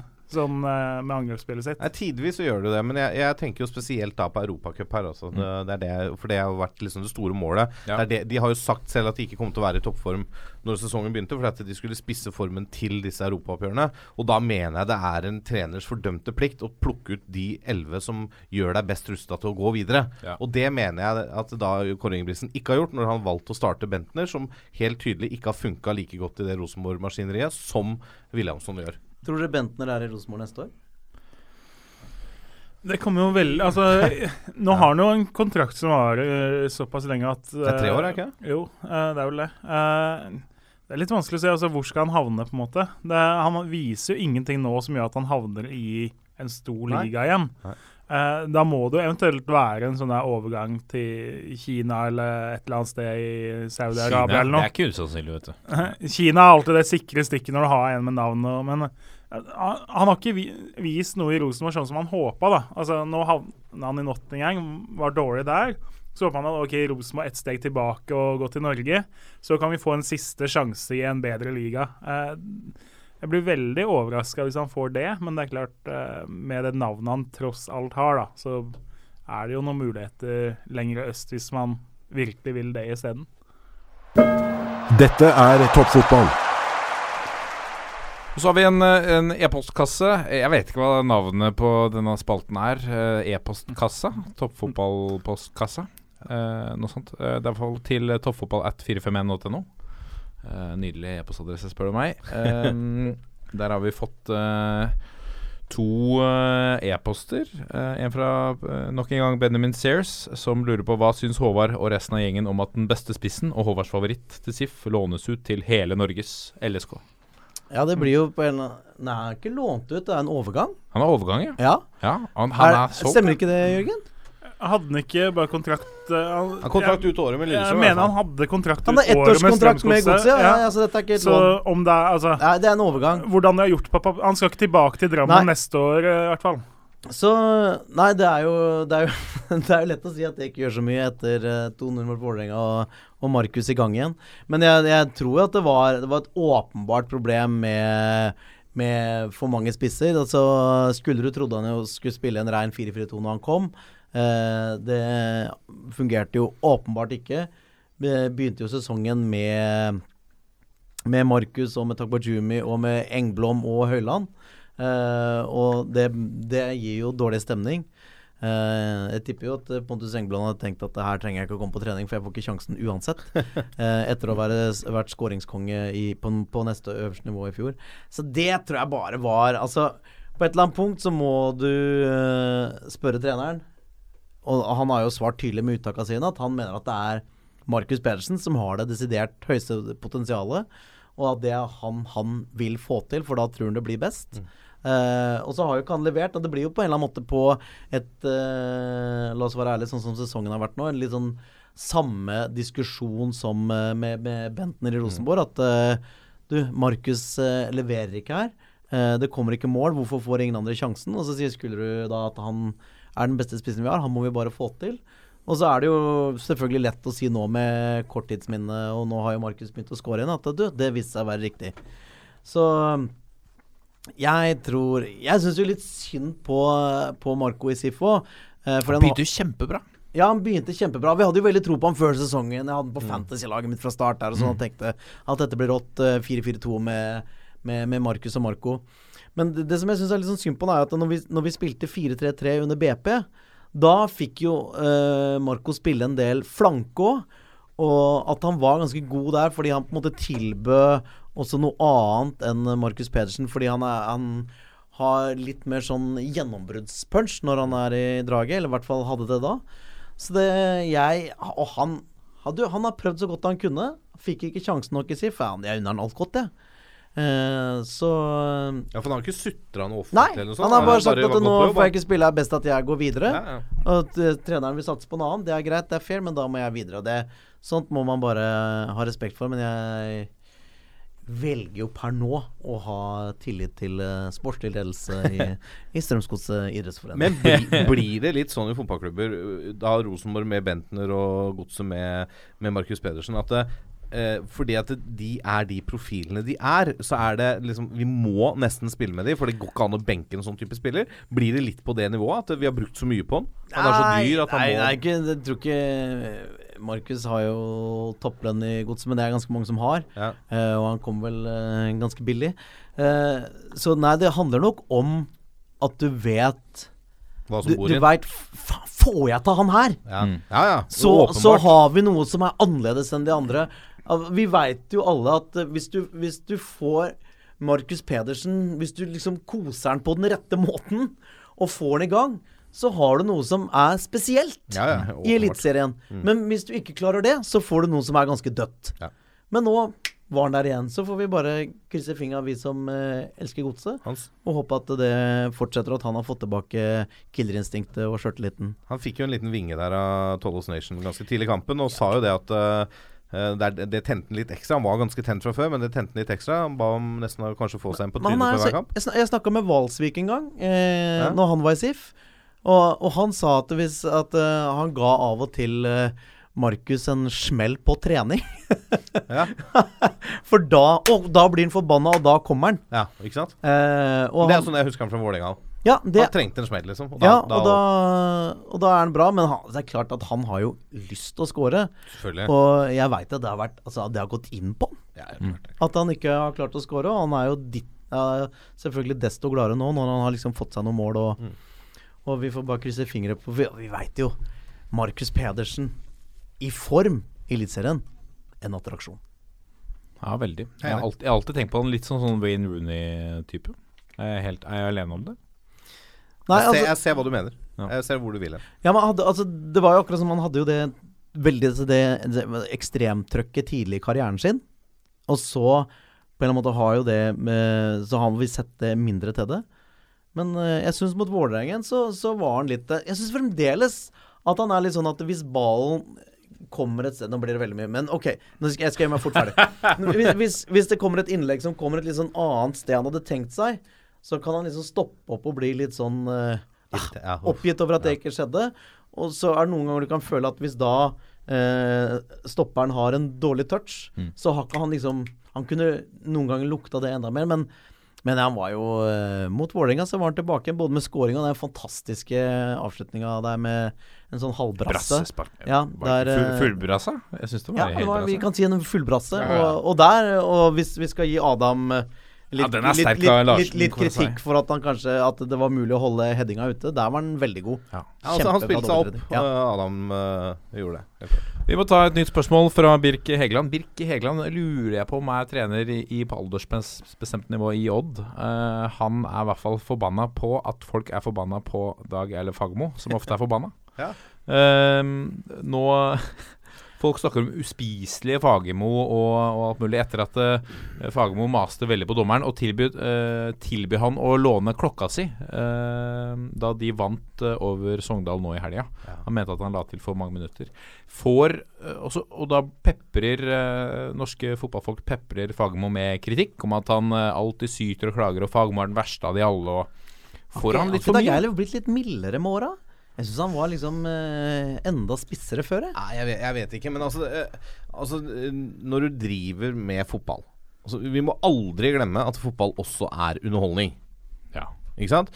Dag Eilif Fagermo kan være meget underholdende. Absolutt. Eh, han kan også være en ordentlig ræv. Ja. I væremåte, i måten han uttaler seg om andre, nedlatende og arrogant på, og kanskje også måten han er på sidelinja. Mm. Men i- iboende der så ligger det det der voldsomme ønsket om å vinne fotballkamper. Og selvfølgelig for Odd så var det viktig å vinne den kampen mot Sogndal. Han har vært under press. Han har vært under press, voldsomt press, og de har ikke prestert. De har nesten ikke skåra mål. Det har, det har vært ganske dårlig i Skien. Uh, og så er jo det der litt sånn Altså, når du leder 2-1 og det andre laget presser, da vil du at kampen skal blåse seg etter 90. Eh, Sogndal håpa at de la til åtte minutter, og så ble det kanskje fire, og så er det egentlig helt greit. Men så føler da ikke sant, du, du, For du, det, er så, det er sånn mekanisme, da, tror jeg, at du liksom er all, Nå går alt imot oss. For nå blir vi litt pressa. Ja, faen, så legger han til fire og ikke tre. Ikke sant, Så henger du deg opp i sånn derre piss. Ja. Sånn der, eh, og, og så blir det en greie. Og så, og, men da må du i den rollen som Fagermo ha, uh, også tåle at folk kritiserer måten du oppfører deg på. Ja. Jeg, jeg forstår at han sier det han gjør, men altså han må, han må tåle at folk kritiserer ham. Det er kanskje lettere å ta Fagermo òg, fordi Fagermo går ut ganske høyt av og til. Og måten Fagermo omtaler andre på. For det er ikke noen tvil om at Fagermo kan oppfattes både litt arrogant og nedlatende. Men, men, Men så det er mindre nedlatenhet enn før. Ja, ja, ja. men Helt han, enig. han, han er Men det liksom henger igjen. Han Ja, er litt ja. Reka er alltid sur, ikke sant? Ja. Ja. Det er altså, henger igjen. Alle mener at Reka er en surpeis, ikke sant? Han er jo ikke det. Han blir glad Laks. Men jeg mener han veldig ofte Han vet hva han driver med. Når han liksom pirker borti den pengesekken Han elsker å pirke borti pengesekken til Molde. Hver gang bare Ja, men nei, du vet, vi har ikke penga som de har der oppe, og vi har ikke Hadde jeg hatt noe rike. Ja, ikke sant? Men han, hadde han visst og han veit hva han, han, vet hva han har i vente, og han bare, han bare gjør det, for han takler det. Og så Men hadde han visst at, uh, at folk i Molde ikke brød seg, og bare lo av det, da tror jeg ikke han gidder. Ja, ok. Det Det fordi han tror at han hadde han ikke det. For det, Det er fordi han klarer å kile dem. For det, Har du sett like mye av de kommentarene etter Solskjær kom tilbake? Nei, det har du ikke. Nei. For det Solskjær gir egentlig litt faen i sånne kommentarer. Ja, ja. Mens han klarte å fyre opp Skullerud. Skullerud gikk rett på så det sang, altså. Han Hver gikk gang. Han gikk i fella. Gikk i fella hver gang, og Ja. det visste Altså, Fagermo prøvde sikkert en gang. Funka som faen. Nei, da kjører vi på igjen. Ja. Og så skaper han oppmerksomhet rundt klubben sin, han skaper oppmerksomhet rundt Eliteserien. Eh, så kan du si hvor, ja, hvor positivt er det når du eskalerer på den måten du gjorde i den der krangelen mellom Fagermo og Skullerud, hvor Skullerud melder seg ut av trenerforeningen fordi Fagermo blir årets trener og alt det der forbanna sutringa der. Hvor Men altså, er det er jo, ja, ja, hvor gamle er dere? Men det var jo litt gøy òg, da. Ja, ja, Jeg syns det var kjempegøy. Men, men har dere snakka om det der med med, med, med Brutter'n og, og Ingebrigtsen Jensen og Inge André Olsen? Ja, ja, ja. Nei, vi har vel ikke snakka så mye om det, kanskje. Vi har snakka om sutringa til Kåre. Ja, det, han, den har vi tatt opp noen ganger. Ja, men nå, nå, nå, nå var det jo at de Ingebrigtsen Jensen og Inge André Olsen var så sinte på, på Brutter'n. Å ja, for Fordi, nå nylig? nei, fordi at uh, Kåre sa etter kampen mot Celtic at Birger Meling kom fra en klubb hvor han uh, spilte Gjør gjør, hva du- gjør, hva du vil-fotball, Ja. uh, på en måte, og måtte lære seg Rosenborg-taktikken, og det var vanskelig. Ja. Eh, og det syns jo da disse Stabæk-gutta var nedlatende og tåpelig sagt av Kåre Ingebrigtsen. Og det er jo isolert sett greit nok, det, men så er det jo en forhistorie der hvor de har vært ute og meldt litt eh, til hverandre Ja. tidligere òg, da. Eh, Så det er klart at eh, det er jo litt det samme, da. At man klarer å komme litt under huden og liksom erte og Kåre virker jo ikke som han digger eh, Stabæk, på en måte. Det, så det, er- det er jo litt gøy å sende stikk, da, tenker jeg. Så, ha, hatet lever i norsk Ja. fotball. Hatet lever i Eliteserien. Ja, det, men, men jeg tror der går det litt begge veier. Altså, eh, Kåre Ingebrigtsen vet at eh, når han pirker bort til Stabæk, så går de i fella med en gang. Og så vet Stabæk at hvis de pirker litt på eh, Kåre eller Rosenborg, så går også de i fella med en gang. Så de, de går liksom i hverandres feller hele tida. Så der har du det gående hvis du bare vil, da. Og det veit de nok. Men Kåre har jo litt mindre å gå på nå, med, med litt sånn vært i før i sesongen med Koteng måtte si fra hvordan det ikke skulle være og Ja, altså, jeg syns jo Han har brukt opp sutrekvota. Ja, jeg syns Kåre Ingebrigtsen har vært delvis litt for barnslig og sutrete i løpet av årets sesong. Altså, vi har vært innom det i, i den podkasten her før òg, at uh, det blir det blir litt mye sånn derre nå, må du- nå må du bare slutte, liksom. Du er faen meg trener for det beste laget i Norge. Har eh, ressurser som ingen andre kan måle seg med. Og slutt å være så jævla hårsår, liksom. Det er ikke nødvendig. Vær blid, vær raus. Ja, vær du er blid størst og rikest. Altså, eh, Du kan godt si at Eggen ikke alltid var blid og raus, han heller. Men på en eller annen måte så hadde han det med litt glimt i øyet, da. Ja. Men det, det glimtet ser jeg ikke hos Kåre Nei, og Ingebrigtsen. jeg synes jo han Vi hadde jo Mini her som sa det at eh, de hadde et postulat i Rosenborg hvor det var at det var kun lov å være sint ett sekund på rad. Ja. Eh, og den eh, levde jo Eggen etter. Kunne skjelle deg ut, og så ga han en klem etterpå. Hadde fokus på det.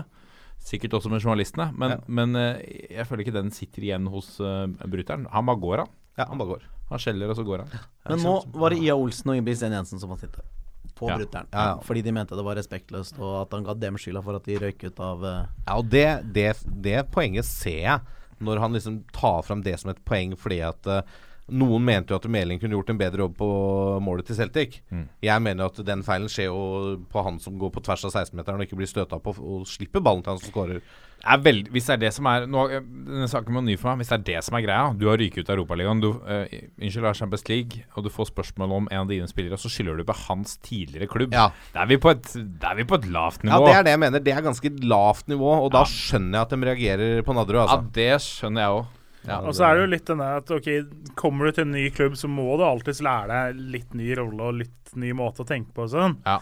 Uh, men vi hører jo om i håndball så kommer du inn som strekspiller, så må du lære deg på en måte 123 nye angrepstrekk. Da, sånn at hvis playmakeren roper F4, så skal du vite at ok, da skal jeg gjøre det og det. Det er ikke så vanskelig å være Rosenborg eh, venstrebekk, på en måte, at, han, uh, at man kan skylde på Stabæk liksom, at å, han har ikke vært taktisk skolert nok fra før av. Skulle han ikke spilt, da? Hvis han ikke var ferdig i utviklinga? Nei, da har du jo Jørgen Skjelvik og Alex Gersback eh, som jo bør kunne RBK-taktikken i skolen. da. Nå kommer pulsen. Og da er vi kommet til eh, pulsen. Vi må begynne ukens eh, puls med eh, vår, vårt nye spaltenavn. For eh, denne spaltenavnkonkurransen har fått en vinner. Eh, vi la det ut på, på Twitter. Eh, vi trengte jo nytt navn til eh, årets Vardi. Eh, og årets Vardi har blitt til årets Trøn. Gratulerer, Ja, Martin Trøn. Ja, absolutt. Åssen går det med Trøn? Han har vært skada lenge. Han Er skårte, tilbake. ja, han skårte to mål bort mot Gjelleråsen her uh, på mandag. Da stilte Strømmen to fryktelig sterkt. Ja. Så eh, han Er det tilbake. eh, på vei tilbake fra En mann som ble nummer to i kåringa. Ja, Henrik ja. for en legende. For, et, eh, for en sesong! Men, Ja, ja, men Han er on fire. Jeg, jeg måtte til og med melde med en direktemelding på Twitter og, Ja, og skryte at nå eh, valgte vi feil mann. ja. Jo, men han, han er, han er med i år. Han må være kan- med i år Han er kandidat i år, han. Han må være det. Ja, selvfølgelig. Men med det navnet, da sier vi også at uh, vedkommende som vinner Årets Trøen i år, Ja. får da eh, Da heter det Årets Kupen da neste år, f.eks. Ja, ja, det var eksempel. Ja, men det syns jeg det er, det er opplagt. det som lå litt implisitt i å kalle det Årets Trøen. ja, den er fin, den. Ja. Jeg er enig i det. Det blir en vandreoppkall, og at du får eh, oppkalt spalten etter deg. En slags vandrespalte. Vandrespalte. Ja. Gratulerer, Martin Trøen Uh, og alle andre. Og uh, Johan Sjøberg, som stikker av med da en original EM 2000-drakt. Disse gode og varme som du også kan bruke til å spille fotball med på vinteren, for de puster ikke. Uh, holder deg god og varm. Får han langarma eller kortarma? Eh, kortermet. Nummer Eh, tja, han kan få den jeg sitter med nå, nummer tre. Nummer tre. Han kan få en som, eh, som er ren. En ubrukt en, ja. Det er En ubrukt en. Uh, har vi noen nye kandidater til uh, årets uh, Trøen uh, Kjernås? Vi har jo et par som er verdt å nevne. Ja. Eh, Tobias Lauritzen i Porsch. Porsche. Eh, før sesongen Porsch spiller jo i tredjedivisjon uh, avdeling tre. Eh, jakter på Fløy i kampen om opprykk der.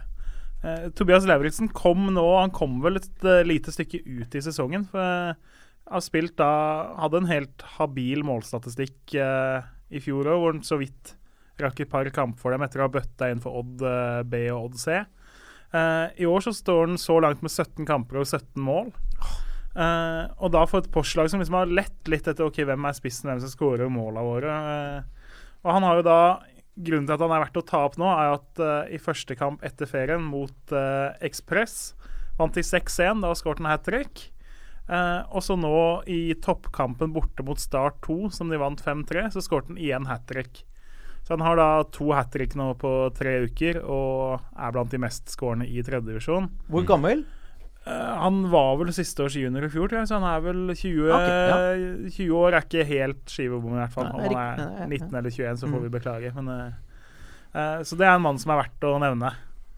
Uh, I tredjedivisjons avdeling 1 så har vi en av Jeg må jo skyte inn det at det som er mest fantastisk med fotball.no, av alle ting, er at uh, fra og med i år så har de tydeligvis begynt å ta med alle mellomnavn og etternavn på alle spillere. Så det oppdages jo en del skjulte skatter uh, der, kan man si. Har vi, Eh, har vi noen som overgår Ken Remi Stefan Strandberg? Og jeg, jeg tror vi må ha en egen spalte om et par uker hvor vi tar noen av de beste Ja. breddefotballnavnene. Navn- Og også hvis det er noen sånn ganske høyt oppe som har andre navn. Ja, men det det er, det er nettopp derfor vi Mm. kom inn på den nå. Fordi Kvikk Halden har jo Bjørn Berglund, og da tenker jeg det er ikke så spesielt. Men disse svenskene har jo ofte mange fornavn. Tre fornavn. Bjørn Olof Johan Berglund. Åh, jeg Eh, elsker det. Han var innom Kvikk Halden eh, i 2015. Da gjorde han det veldig bra. Skåret 18 mål i 2. divisjon. Mm. Eh, så langt i år 18 mål på 17 kamper i 3. divisjon. Eh, og er jo da toppskårer i den avdelinga. Men er han svensk? Han er svensk. Så han er diskvalifisert fra Årets Trøn. Ja, For vi skal jo finne finne en ny norsk spiss. Ja. Ja. Sorry. Men vi Men det er- kan, det er jo, vi, høre kan om. jo, vi kan jo Vi kan nevne høre den. om han har lyst på norsk pass, da. Hvis det Ja, ja, ja, hvis, Det er riktig. hvis Lagerbäck ringer. Ja. De forstår hverandre, da, om ikke annet. Om ikke annet.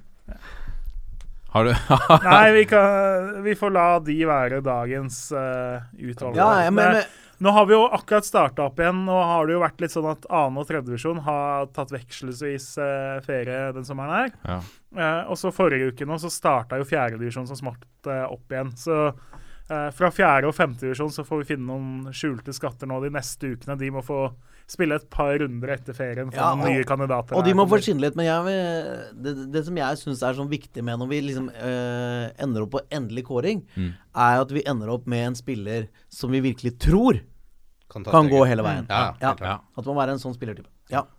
Det er eh, Ja. Det Og er, det trodde vi jo om Martin Trøen, og det er Ja. jo ikke for sent. nei, han har god tid, han. Han har god tid. Han har god tid. Som en slags forsmak Jeg likte den eh, nye navnespalten, som må gjøre gjøre sitt uh, inntog med jevne mellomrom. Så hvis det er noen som har noen gode navn på, på spillere der ute, uh, fascinerende navn, et slags stjernenavn, så send det inn til toppfotball.451.no. Jeg har jeg Eller kan- på sosiale medier. eller på sosiale medier. Jeg har uh, Ørn Christiana, mitt kjære Ørn Christiana, gjorde en signering i sommer. Da kan jeg Åh, der, der Du sendte jo Jeg sendte- By accident så ja. sendte du et bilde av det til oss, så det Jeg sendte kvitteringen på fullført, uh, fullført overgang Ja. uh, til feil chat på Facebook. Oh, så ja. dere fikk glede av å Ja. se at vår kjære Vladimir Lenin Sabando Saldana er nå spilleklar. Lenin der, altså. Men er ikke, har ikke Gashi gått tilbake? jo, til Ørn Horten, ja. Men dette er Ørn Kristiania. Oh, ja, Ørn altså syvende divisjon. Christian, ja, ja, okay. ja, ja. ja, ja, ja. Eh, Din favorittklubb i syvende divisjon, altså. ja. Så Vladimir Lenin Samando Saldana er nå spilleklar, og det er en god kandidat. Kanskje vi skal kåre årets feteste navn? Dere har ikke prøvd å hente Håvard Johannes Lilleheie til Jørn Christian? Håvard Johannes Lilleheie? Det visste det var ikke så mange som visste. Nei, det er ingen som vet, det er ingen som vet, men uh, det, Oi, det, er det skjemmes du? Nei, nei, nei, nei, nei, jeg er stolt, jeg er stolt av det. Men, øh, det, men jeg lurer på Jeg kom på klubbløse spillere. Nå, dette er veldig digresjon. Ja. Men Magne Hoseth er jo klubbløs. Ja, og aktuell for Kristiansund. Ja, han skulle Men hva Hvordan øh, Åssen har han vært i Notodden? Nei, Vi snakka vel om han sist uke og konkluderte med at uh, det er veldig snålt om han skal holde eliteserienivå nå, etter at han i halvannet år eh, har, ikke har briljert i andredivisjon. Altså, du mener at, at spruten i steget er borte? Det er definitivt borte. I hvert fall eh, så tok han ikke med seg til Notodden. Nei. Kan jo hende han finner det når han kommer tilbake til Kom eget fylke, Ja, ja, men ja. eh, det, det ville vært snålt om han nå plutselig skulle slå til igjen i Eliteserien. Han har vel også sagt at det er Kristiansund eller ingenting nå, så blir det ikke kontrakt der, så legger han opp, ser det ut som. Det liker de Kristiansund. Kristiansund eller ingenting. Det er slagordet, det, for laget. Ja, ja, klart det. Kristiansund eller ingenting, og litt uh, Rosenborg-elsk uh, Ja, det er en pussig sak Ja. der oppe. Ja, Eh, hva, ja, det er at de de har litt Rosenborg-sympatier oppi der. Ja, men det er fordi at de, øh, de, de hater Molde. ja. Og, Og, og de har alltid Det er en felles plattform. Ja, fordi at, de, at Kristiansund har jo aldri vært oppe før, ikke sant? Så har de likevel eh, hatt et ønske i Kristiansund om å ha noen de heier på på toppnivå. For det har de aldri hatt før. Og så hater de Molde. Derfor så velger de seg Rosenborg. Ja.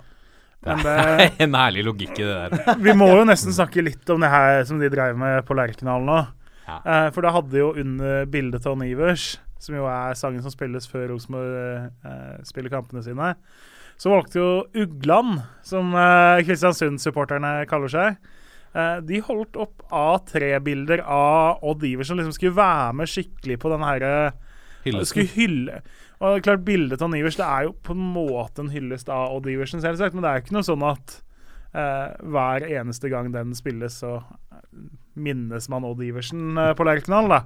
Eh, så jeg føler at de tok den litt langt, og det er jo litt sånn OK at du viser liksom sympati, men du skal ikke komme og være litt sånn Du skal ikke synge med på Du skal ikke være kvart eller halvt hjemmesupporter når du står på borte. Nei, nei, nei, liksom, det er greit å Ok, hvis du skal vise liksom, sympati, så hold kjeft under sangen. OK. Men å liksom henge seg på, det blir litt pinlig. Men det og er litt klart, sånn mangel det, er- jeg tror det, det handler om at de, de er eh, I Kristiansund så, så er de tradisjonelt sett Rosenborg-support. Jo, men det er jo Så har de sånn bare som aldri hatt et lag oppe før. ja, men det, er Det tar litt, litt tid ikke Ja. sant, å venne Ja. seg til å være et topplag sjøl. men det er litt sånn som med Bodø, da. Bodø-Glimt og Rosenborg. Altså, Jeg tror jeg brukte eksempler før. Bak det ene målet på Aspmyra så står det en sånn 'dagens eh, tips', og så er det resultattips. Hvor det liksom Ja, det står 3-1 når de møter Vålerenga, ikke sant? og så møter de Brann, så står det 4-2. Det er alltid et resultattips der, bortsett fra når de møter Rosenborg. Oh, ja. Da er den tavla tom. Ja. Da har de ikke tips. Hvorfor det?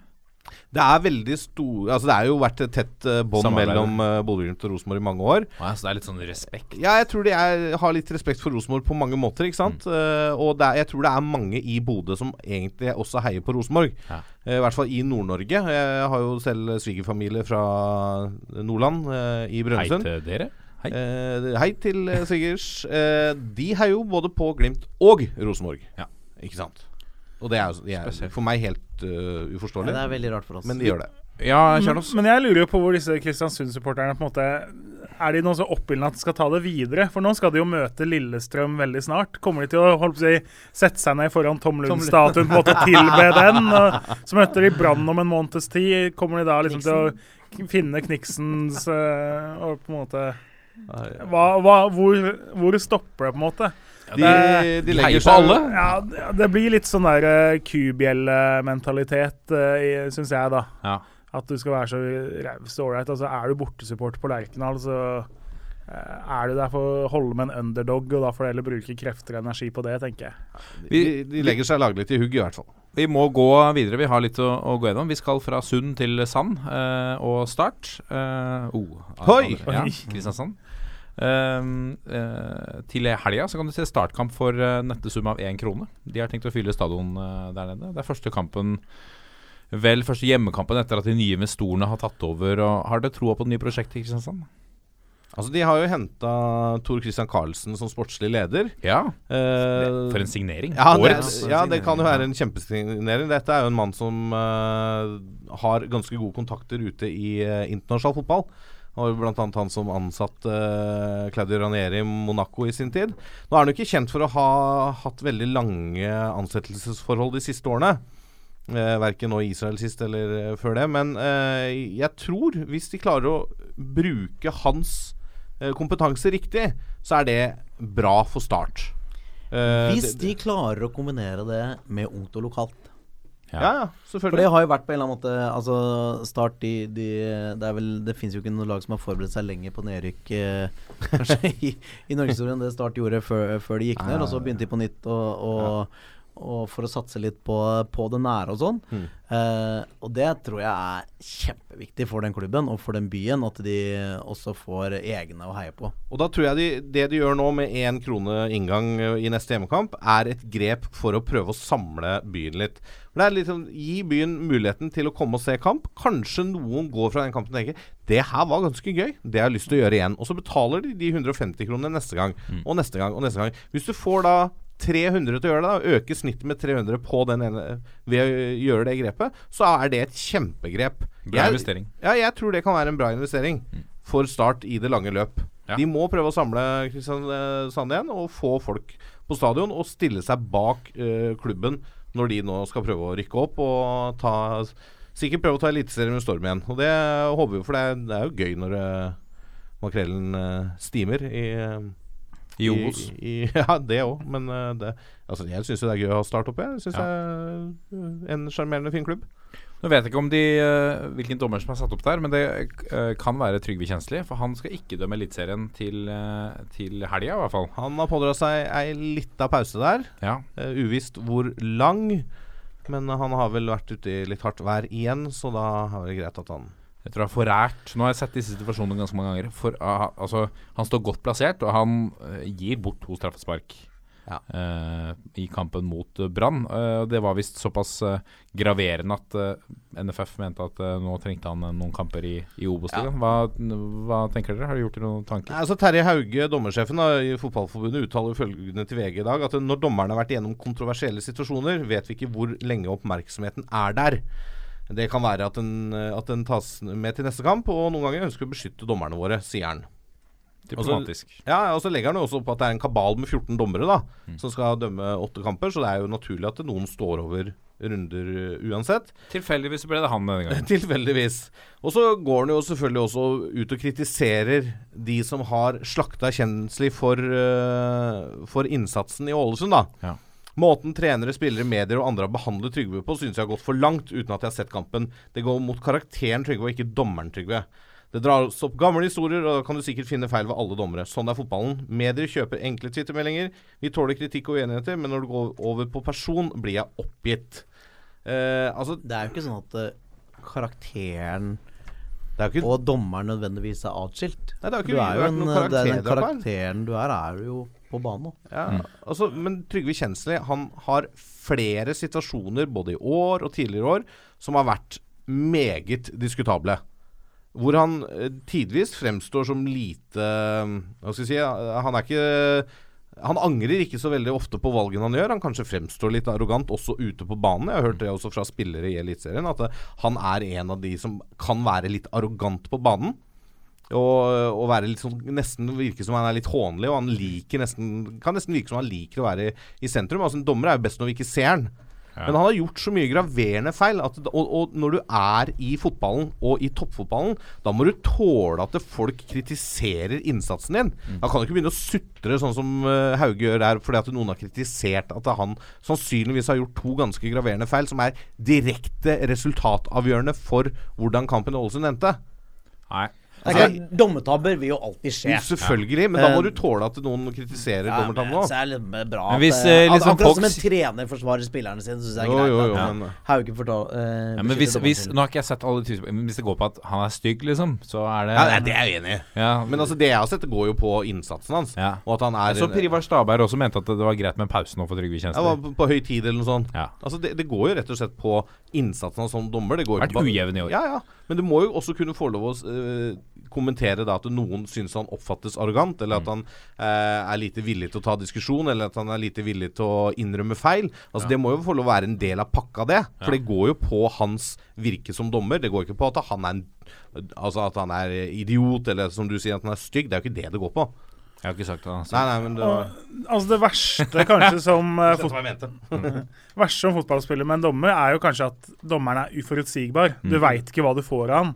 Du veit ikke hva han dømmer på. Du veit ikke på en måte hvilken linje han uh, velger å legge seg på. Og det er vel der bl.a. Kjensli er en uh, dommer som mange spillere har et anstrengt forhold til. Ja. Fordi det som på en måte kan være greit i minutt 35, er plutselig gult kort og frispark i minutt 40. Og så uh, har han ikke helt den tonen. Det er mange spillere som sier det at en av de dommerne som de ikke på en måte kan snakke med, da, som ikke er tiltalende, han vil ikke høre i det hele tatt. Og noen dommere har jo den stilen. Staberg blant annet hadde jo Eh, det. ja, da, altså Colina, du gikk jo ikke veldig bort for å diskutere med han, for å dra en annen parallell.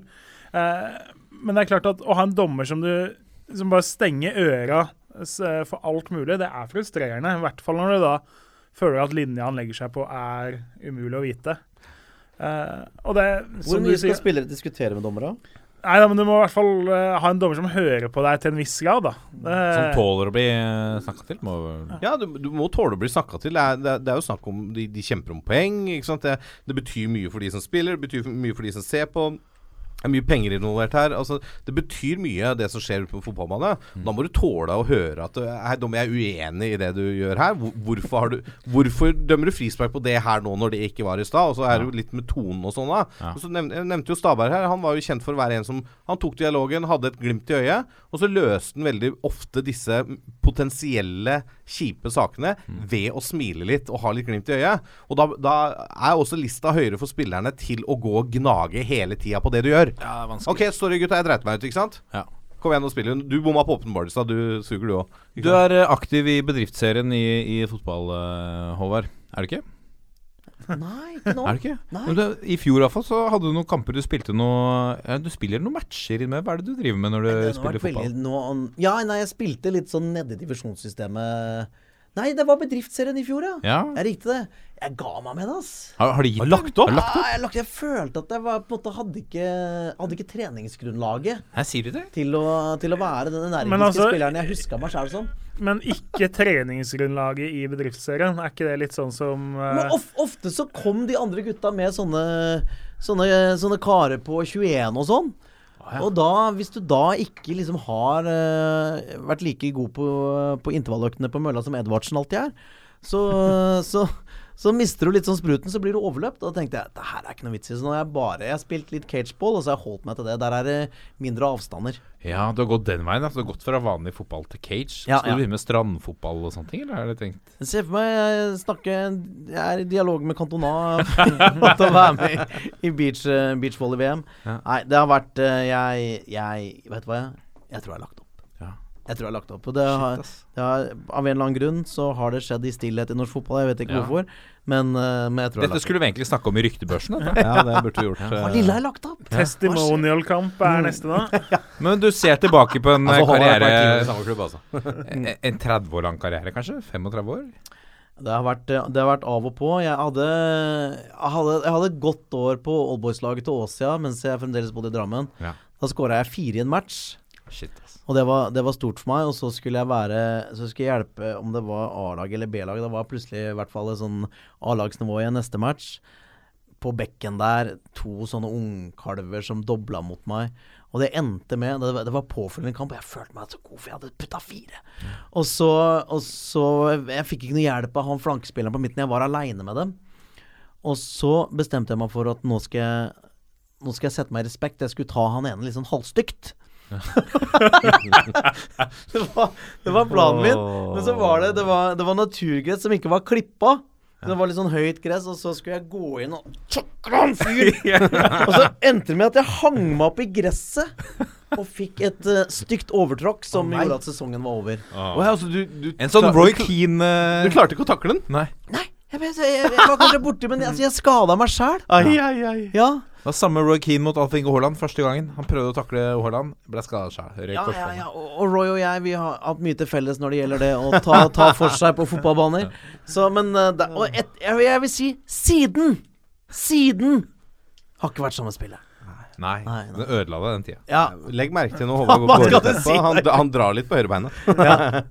Det som er så fint med fotball.no, er jo at fotball.no glemmer aldri. Nei. Det er litt Få sånn høre. som hvis du er veldig kristen, så glemmer jo aldri Gud og Jesus hva du har gjort. Samme er fotball.no for oss Ja, ja. som tror på fotballen, på Ja, en måte isteden. her finner vi fra kampen Totenkam mot Bygdemonolitten 2 i 2004. Ringer det bjeller, Håvard? Ekeberg 3, som var regna. Jeg jeg kan ikke huske matchen. Utvisning Håvard Lilleheie. og, da, og da slutta jeg på Bygdøy etter det. Jeg ikke, for at Da hadde jeg vært på benken, og så kom jeg inn. Ja. Og så ble det sånn rot i byttet. At jeg skulle først inn på midten. Nei, Håvard, du må ned bak. Og så løp jeg ned, så ble det en situasjon Det var viljens jeg. Ja, ja.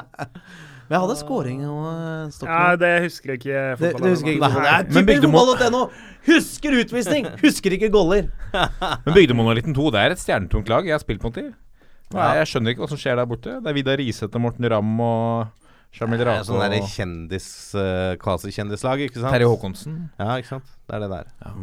Flinke. Men da må det jo skytes inn at det som jo er det store tipset for at fotball.no skal huske deg i, jeg et bedre lys, er jo å skaffe seg en navnebror, som jo tross alt gjør det helt OK i breddefotballen. Å? Sånn som enkelte av oss eh, jo har gjort. Oh, ja! Eh, Så det vil si at i 2017 Jørgen Kjernås står med ti kamper og seks mål i femtedivisjon for Sørumsand. Eh, Men det, eh, du som bor på Er det det du sier på Fetsund, byen? kunne jo spilt Hæ? for Sørumsand. Ja, det er nettopp det, så det er noen forvekslinger kort, der. Det. Men, så, så tipset er finn en Håvard Lilleheie som er dugelig. Så Finn en Håvard. Johannes Lilleheie. Ja.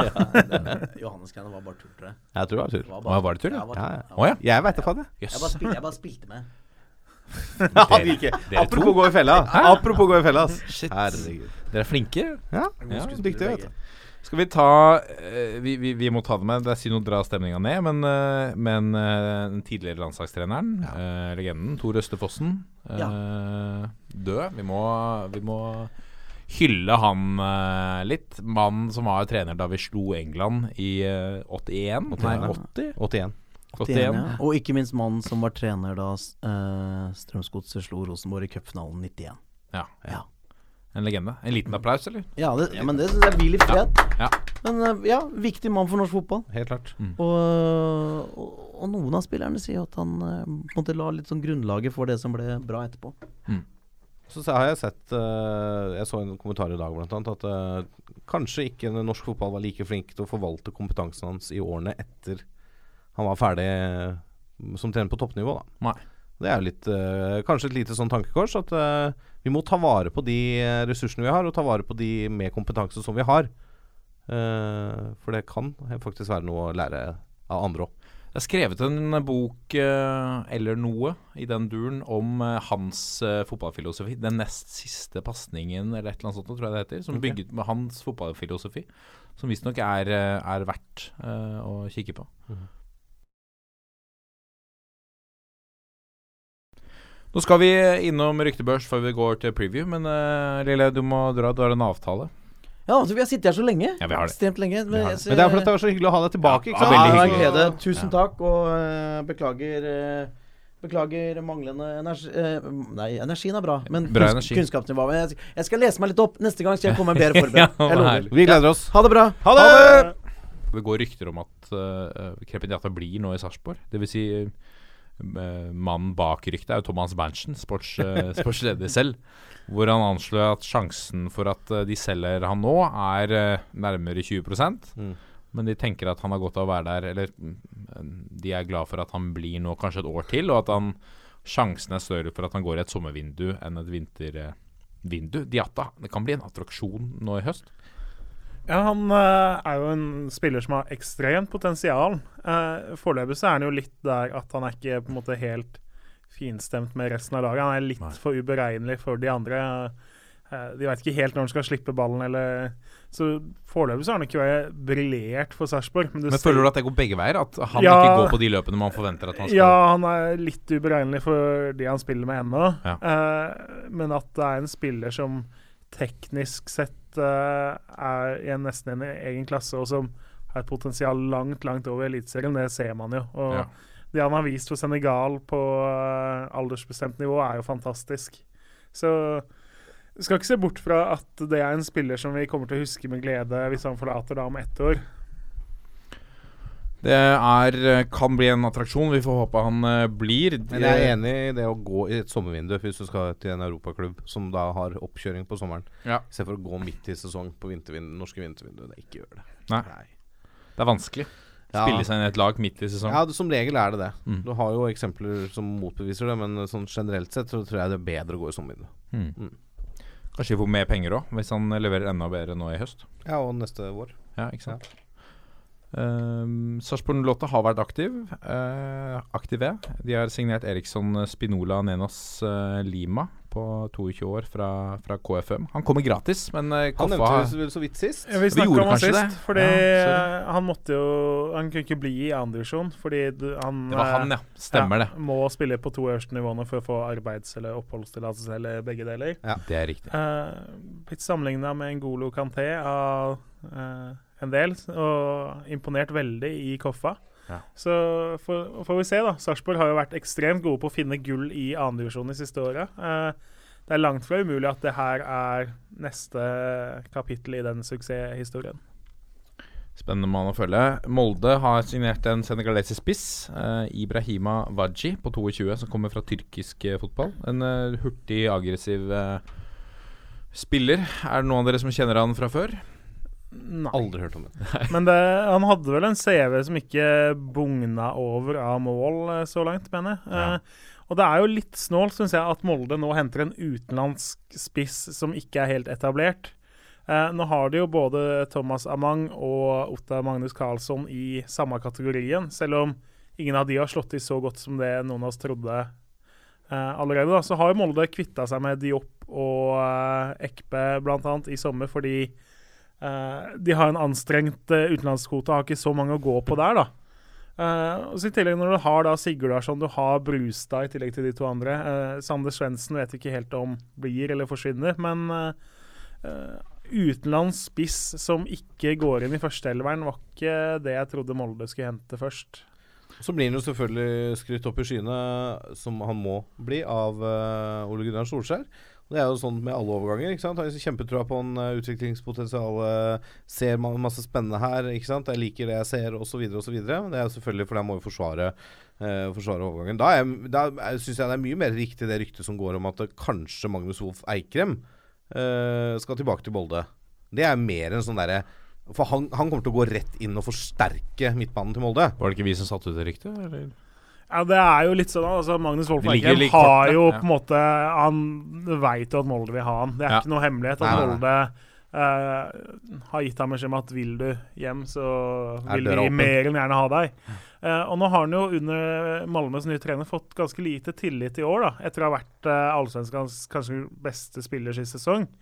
Uh, så Malmö virker jo ikke nødvendigvis som noe blivende sted for han i all uendelighet. Og så uh, tenker vel han også at faen, skulle gått i vinter, da hadde jeg et godt rykte og kunne fått en ny sjanse eh, etter at det ikke helt gikk i Cardiff osv. Mm. Eh, nå som han da har sittet mye på benk i Malmö, så har han jo neppe uendelig med alternativer. Ja. Men så er det litt det å komme hjem til Molde er litt sånn resignasjon og eh, tilbake til start. Og, så jeg tror jo han ennå håper på å på en måte finne en OK klubb i en OK liga. Ja. Eh, men klart at for Molde så er det drømmesignering. Og det er kanskje den biten i puslespillet de mangler nå, fra å være medaljekandidat til å være en utfordrer til uh, Rosenborg. Og det er jo det også Molde må selge inn for uh, Wolf Eikrem. Mm. Det er jo det at uh, med deg på laget Altså Nå skal vi satse på å ta hegemoni fra Rosenborg igjen. Uh, vi tror vi er mye bedre rusta for det med at du kommer, og liksom bygge laget midtbane rundt han. Uh, og han kommer til, tror jeg, til å levere. Vi har jo, det er ikke så lenge siden vi prøvde å selge inn i landslagstroppen. Fordi han var såpass god i Malmö som han var. Ja, absolutt. Litt rart han ikke ble tatt ut i en tropp der. Det var vi vel eh, enige om. Mm. Vi må ta med Stanisa Mandic eh, fra Montenegro på 22, som nå har gått til Sogndal på lån. En uh, spiss. Kantspiller? Uh, ja. Spisskant. Spisskant, ja. Ja. Uh, skal i hvert fall være der i ett år, uh, i ett år uh, fremover. Med opsjon. Med en opsjon er det helt sikkert. Kommer fra den serbiske klubben FK Sukarik Sukarik. Det er mye artigere hvis du uttaler, uttaler C-en som K. Kukariki. Mm. Der har hun. Jeg gikk i fella. Gikk i fella. Jeg gikk i fella. Um, Og han har vel scora i en U... Var det U19-finale? U20. Og blitt U20-verdensmester. Oi, shit. Skåra første målet i eh, 2-1-seieren over Brasil. Det er noe som Det er jo noe å ha på CV-en. Ja. Du er verdensmester i fotball. Men det, der sa vel Sogndalen at det var litt framtidsprosjekt. Så det er litt snart at han kom på lån. For det, de var vel ikke helt overbevist om at han var klar for å gå inn og styrke laget. Uh, Jeg trodde du skulle si det var ikke helt overbevist om at det var han. Nei, det har vi vel kanskje noen historier om. Sjekker om det er rett mann i Er et år. Hel, Ja. faen, Hvorfor blir han verdensmester i Sogndal? Liksom, jeg er helt sikker på at det her er Eh, Han hadde vel uh, Han var vel i Haugesunds uh, søkelys og uten å få kontrakt der. Eh, Sogndal har vi jo ikke snakka så mye om, men fytti katta som de har endra på troppen i løpet Mm. av sommeren. Mm, mm. Der begynner det å bli mange inn nå, og ganske mange ut. Eh, klart at noe måtte gjøre at de var tynne på stoppeplass. Eh, mista Neslund og mista Atta, som har ikke spilte noe i serien, men likevel, da.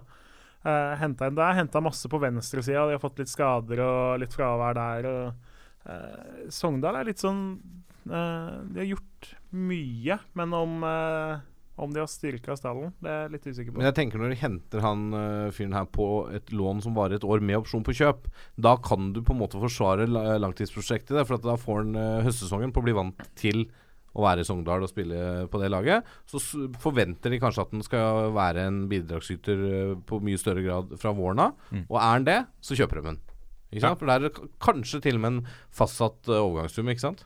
Ja. Og, da, og funker ikke, nei, da går den tilbake. Da bruker de ikke opsjonen. Enkelt og greit. Uh, jeg prøver jo å snike inn uh, Horten i, uh, og Ørn i enhver sammenheng. Jeg er klar til denne sendingen også. Men av nasjonal interesse, Julian Kristoffersen, eh, 20-åringen, eh, 20-årig langreiste, høyreiste spissen til FC København. Fikk fire kamper på A-laget der og to mål. Er nå klar for Djurgården IF etter å ha vært på prøvespill i Westham. Ja, og i Westham en tur i sommer, og fikk vel eh, i hvert fall en eh, andre kamp, Ja. tror jeg. Men eh, det, det tror jeg er en spennende, en spennende overgang. Jeg er litt sånn overrasket over liksom Djurgården opp av Men det, det, her er vi litt tilbake til Har norske klubber sovet i timen der? Er det ingen norske klubber som har vurdert han som en potensiell spiss i Eliteserien? Jeg eh, tipper av det jeg vet, så tror jeg det aldri var aktuelt å gå tilbake til Norge. Nei, ok, nei, men da er det greit nok. Men da kan jo Djurgården være et fint steg. Eh, Svensk fotball, eh, mye spennende som skjer der. Mm. Eh, storklubb i en stor by. Mm. Eh, får han eh, tillit og spilletid der og eh, slår seg inn på laget der, så har vi jo en fremtidig eh, bra spiss. Ja. Så vi får håpe han lykkes. En av de få høyre Vi snakket med Øyvind Hoås her. Ja. altså, dette kan være Dette kan være. En, ny, en ny høy spiss på, på landslaget. Dette er toppfotball. Så skal vi se nærmere på helgens uh, eliteserierunde. Uh, som man uh, opp, som observant lytter allerede har skjønt, vi spiller inn samtidig med, med cuprunden, så vi tar ikke så veldig hensyn til cupkampene når vi snakker om helgens uh, eliteserierunde. Men uh, vi skal begynne på komplett.no Arena Kjernås. Eh, Lars Bohinens menn tar imot Sogndal. Det gjør de. Eh, vi nevnte jo litt Sandefjord sist som et av de laga som har imponert aller, aller mest denne sesongen her. Eh, etter at vi gjorde det, så gikk de jo hen og slo Stabæk borte. Mm. Eh, det ble jo en drømmestart for eh, de to ikke så omtalte karene fra Uruguay eh, i forhold til han som ikke kom. Eh, Carlos Grossmüller serverte assist til Facundo Rodriguez på tredjeskåringa. Eh, så det betyr jo at Sandefjord ligger faktisk midt på tabellen nå. Eh, men så er det jo ikke mer safe enn at hvis de nå skulle finne på å tape den kampen her, da, så er de på en måte, Da har de kontakt med laga nedafor, i hvert fall mot kvalikplass. Eh, skulle de derimot vinne den kampen her, de står jo på 24 nå, eh, da kan de nesten begynne å glemme nedrykk, i hvert fall for en liten stund. Ja, Nedrykk kan du nok glemme, men uh, det der lille kvalikspøkelset henger der. Men Had- da, ja. Ja. Hadde det vært for fire måneder siden, så hadde jeg sagt at det her er så jævlig typisk Sandefjord å tape den kampen nå etter å ha slått uh, Stabæk borte. Uh, men som jeg også har sagt i den podden her tidligere, jeg har slutta å undervurdere Sandefjord og Lars Bohinens menn nå. De imponerer gang på gang. Ting funker. Uh, de, vi har snakka om det, omlegging og alt det der. Eh, dette er jo en kamp som Sandefjord er favoritter i, mener jeg. Og, vi, og vi, jeg, jeg husker det i fjor også, vi skal ta oss av eh, hatten for det Lars Bohinen har, eh, har gjort. Fordi vi, vi, vi har ikke gjort narr av han, men vi har snakket mye om at han har uttalt at han heller eh, rykker ned enn å bytte spillestil. Mm. Så har han riktignok justert på stilen sin, klokt nok, men står fast på de grunnprinsippene som han la med, med en trebekslinje. Ja. Uh, og det eh, skal vi jeg, jeg hyller det som skjer her nede. Ja, jeg det er veldig, veldig gøy. Um, Ja, og så har du altså Sogndal er jo der at de er to poeng over kvalikplass. Uh, har starta litt tungt. De hadde et tøft program da de har møtt Odd og Rosenborg i de to uh, siste kampene. Uh, men det er, sånn, det er mye utskiftninger der. Nå fikk de Ulrik Fredriksen gikk av med skade, så nå må de bytte enda mer i forsvar. De har vært veldig gode på å hente de her spillerne som er lovende og henta mye fra nivået under, men savner kanskje de der enerne som står fram. Jeg vet ikke Altså Nå hadde jo ikke med Kjetil Wæler, eh, har ikke vært med sist. Eh, de trenger den rutinen der, for det er mange av de der eh, som kan spille annenfiolin på Sogndalen. og så mangler de de sjefene og generalene på laget sitt, syns jeg. Mm, enig. Spennende å se om eh, Stanisa Mandic får sin, eh, får sin debut. Han er spilleklar til kampen. Det regner vi vel med. Men det er jo alltid også vanskelig å si når de henter utenlandske spillere. Er arbeids- og oppholdstillatelsen klar til Sant. eh, kampstart på fredag? Det jo, blir jo spennende å se. Ja. Rundens uh, definitive storkamp, uh, Wangstein. Uh, et, et, eh, altså en klassiker av et oppgjør. Molde tar imot Rosenborg. Ja, det har jo på mange måter blitt Dette er jo en toppkamp, som du sier. Det har jo på måte, mange måter blitt en klassiker i norsk fotball. Eh, både fordi at de har kjempa mot hverandre så mange år, og fordi at det er et hatoppgjør.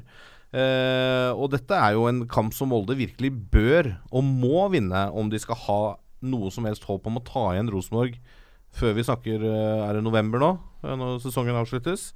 Eh, de, Molde kommer jo fra en litt ufortjent 2-1-seier borte mot Tromsø, hvor eh, 17-åringen eh, Erling Braut Haaland avgjorde etter kun seks minutter på banen. Sønnen til Sønnen til Alf Alf Inge. Ja, sønnen til Alf Inge. Um, Rosenborg kom jo fra en full kontrollkamp hjemme mot Kristiansund, vant 4-1. Uh, og hvor både Helland og Bentner virkelig viste litt av det som bor i de. Men jeg har lyst til å si et par ting. jeg, jeg syns det liksom ble eh, hylla litt i etterkant at nå har det liksom Der får de til spillet som de, som de skal levere. Der må Kristiansund Altså, de skal vinne fire ja, altså, De skal vinne med tre mål. Åpenbart. altså Det er et nyopprykka lag. De skal vinne hjemme på Lerkendal mot Ja. Kristiansund. Det er ikke noen tvil om det.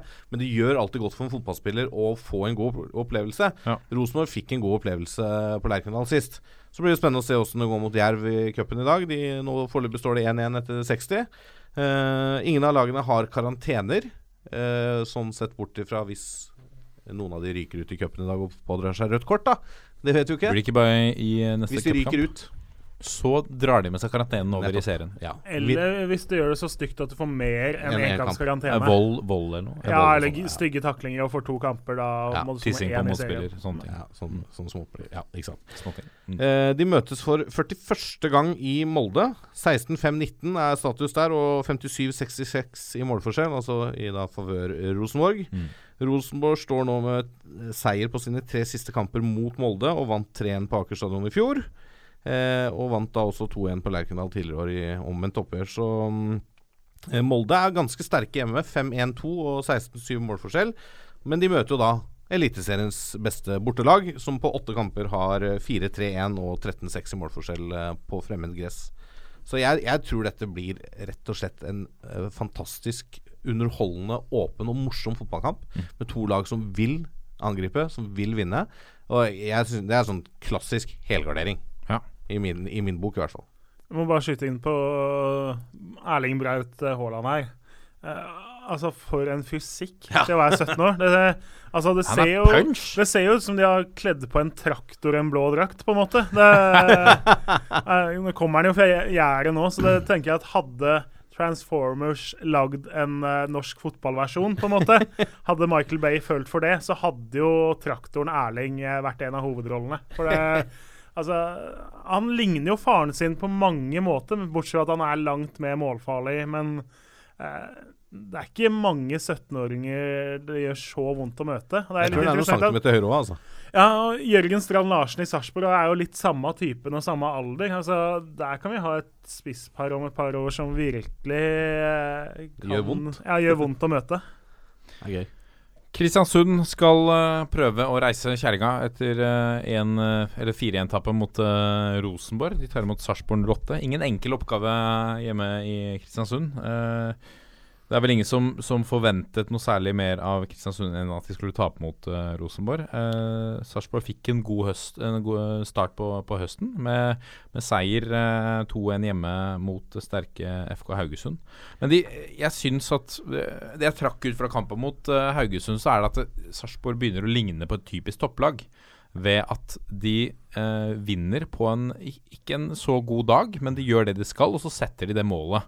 Ett minutt på overtid. yes, Ole Jørgen Halvorsen Ja, det var vel 20 sekunder før eh, overtida var over. Ja. Det var et uh, 93-40. Ja. Og det samme gjorde de i kampen før, borte mot Brann. Yes. Med ti mann. Skårer helt på slutten av kampen og avgjør. Det er et styrketegn, altså. Ja, ja, ja, absolutt. Og det er, det er som jeg så Geir Bakke fremheva det i, i et intervju, at uh, sånne opplevelser gir noe ekstra tilbake til supporterne. Det er fantastisk å dra fra en sånn kamp og få den opplevelsen hvor du har avgjørelsen Altså Skulle man velge, enhver trener ville valgt å få avgjørelsen rett før slutt.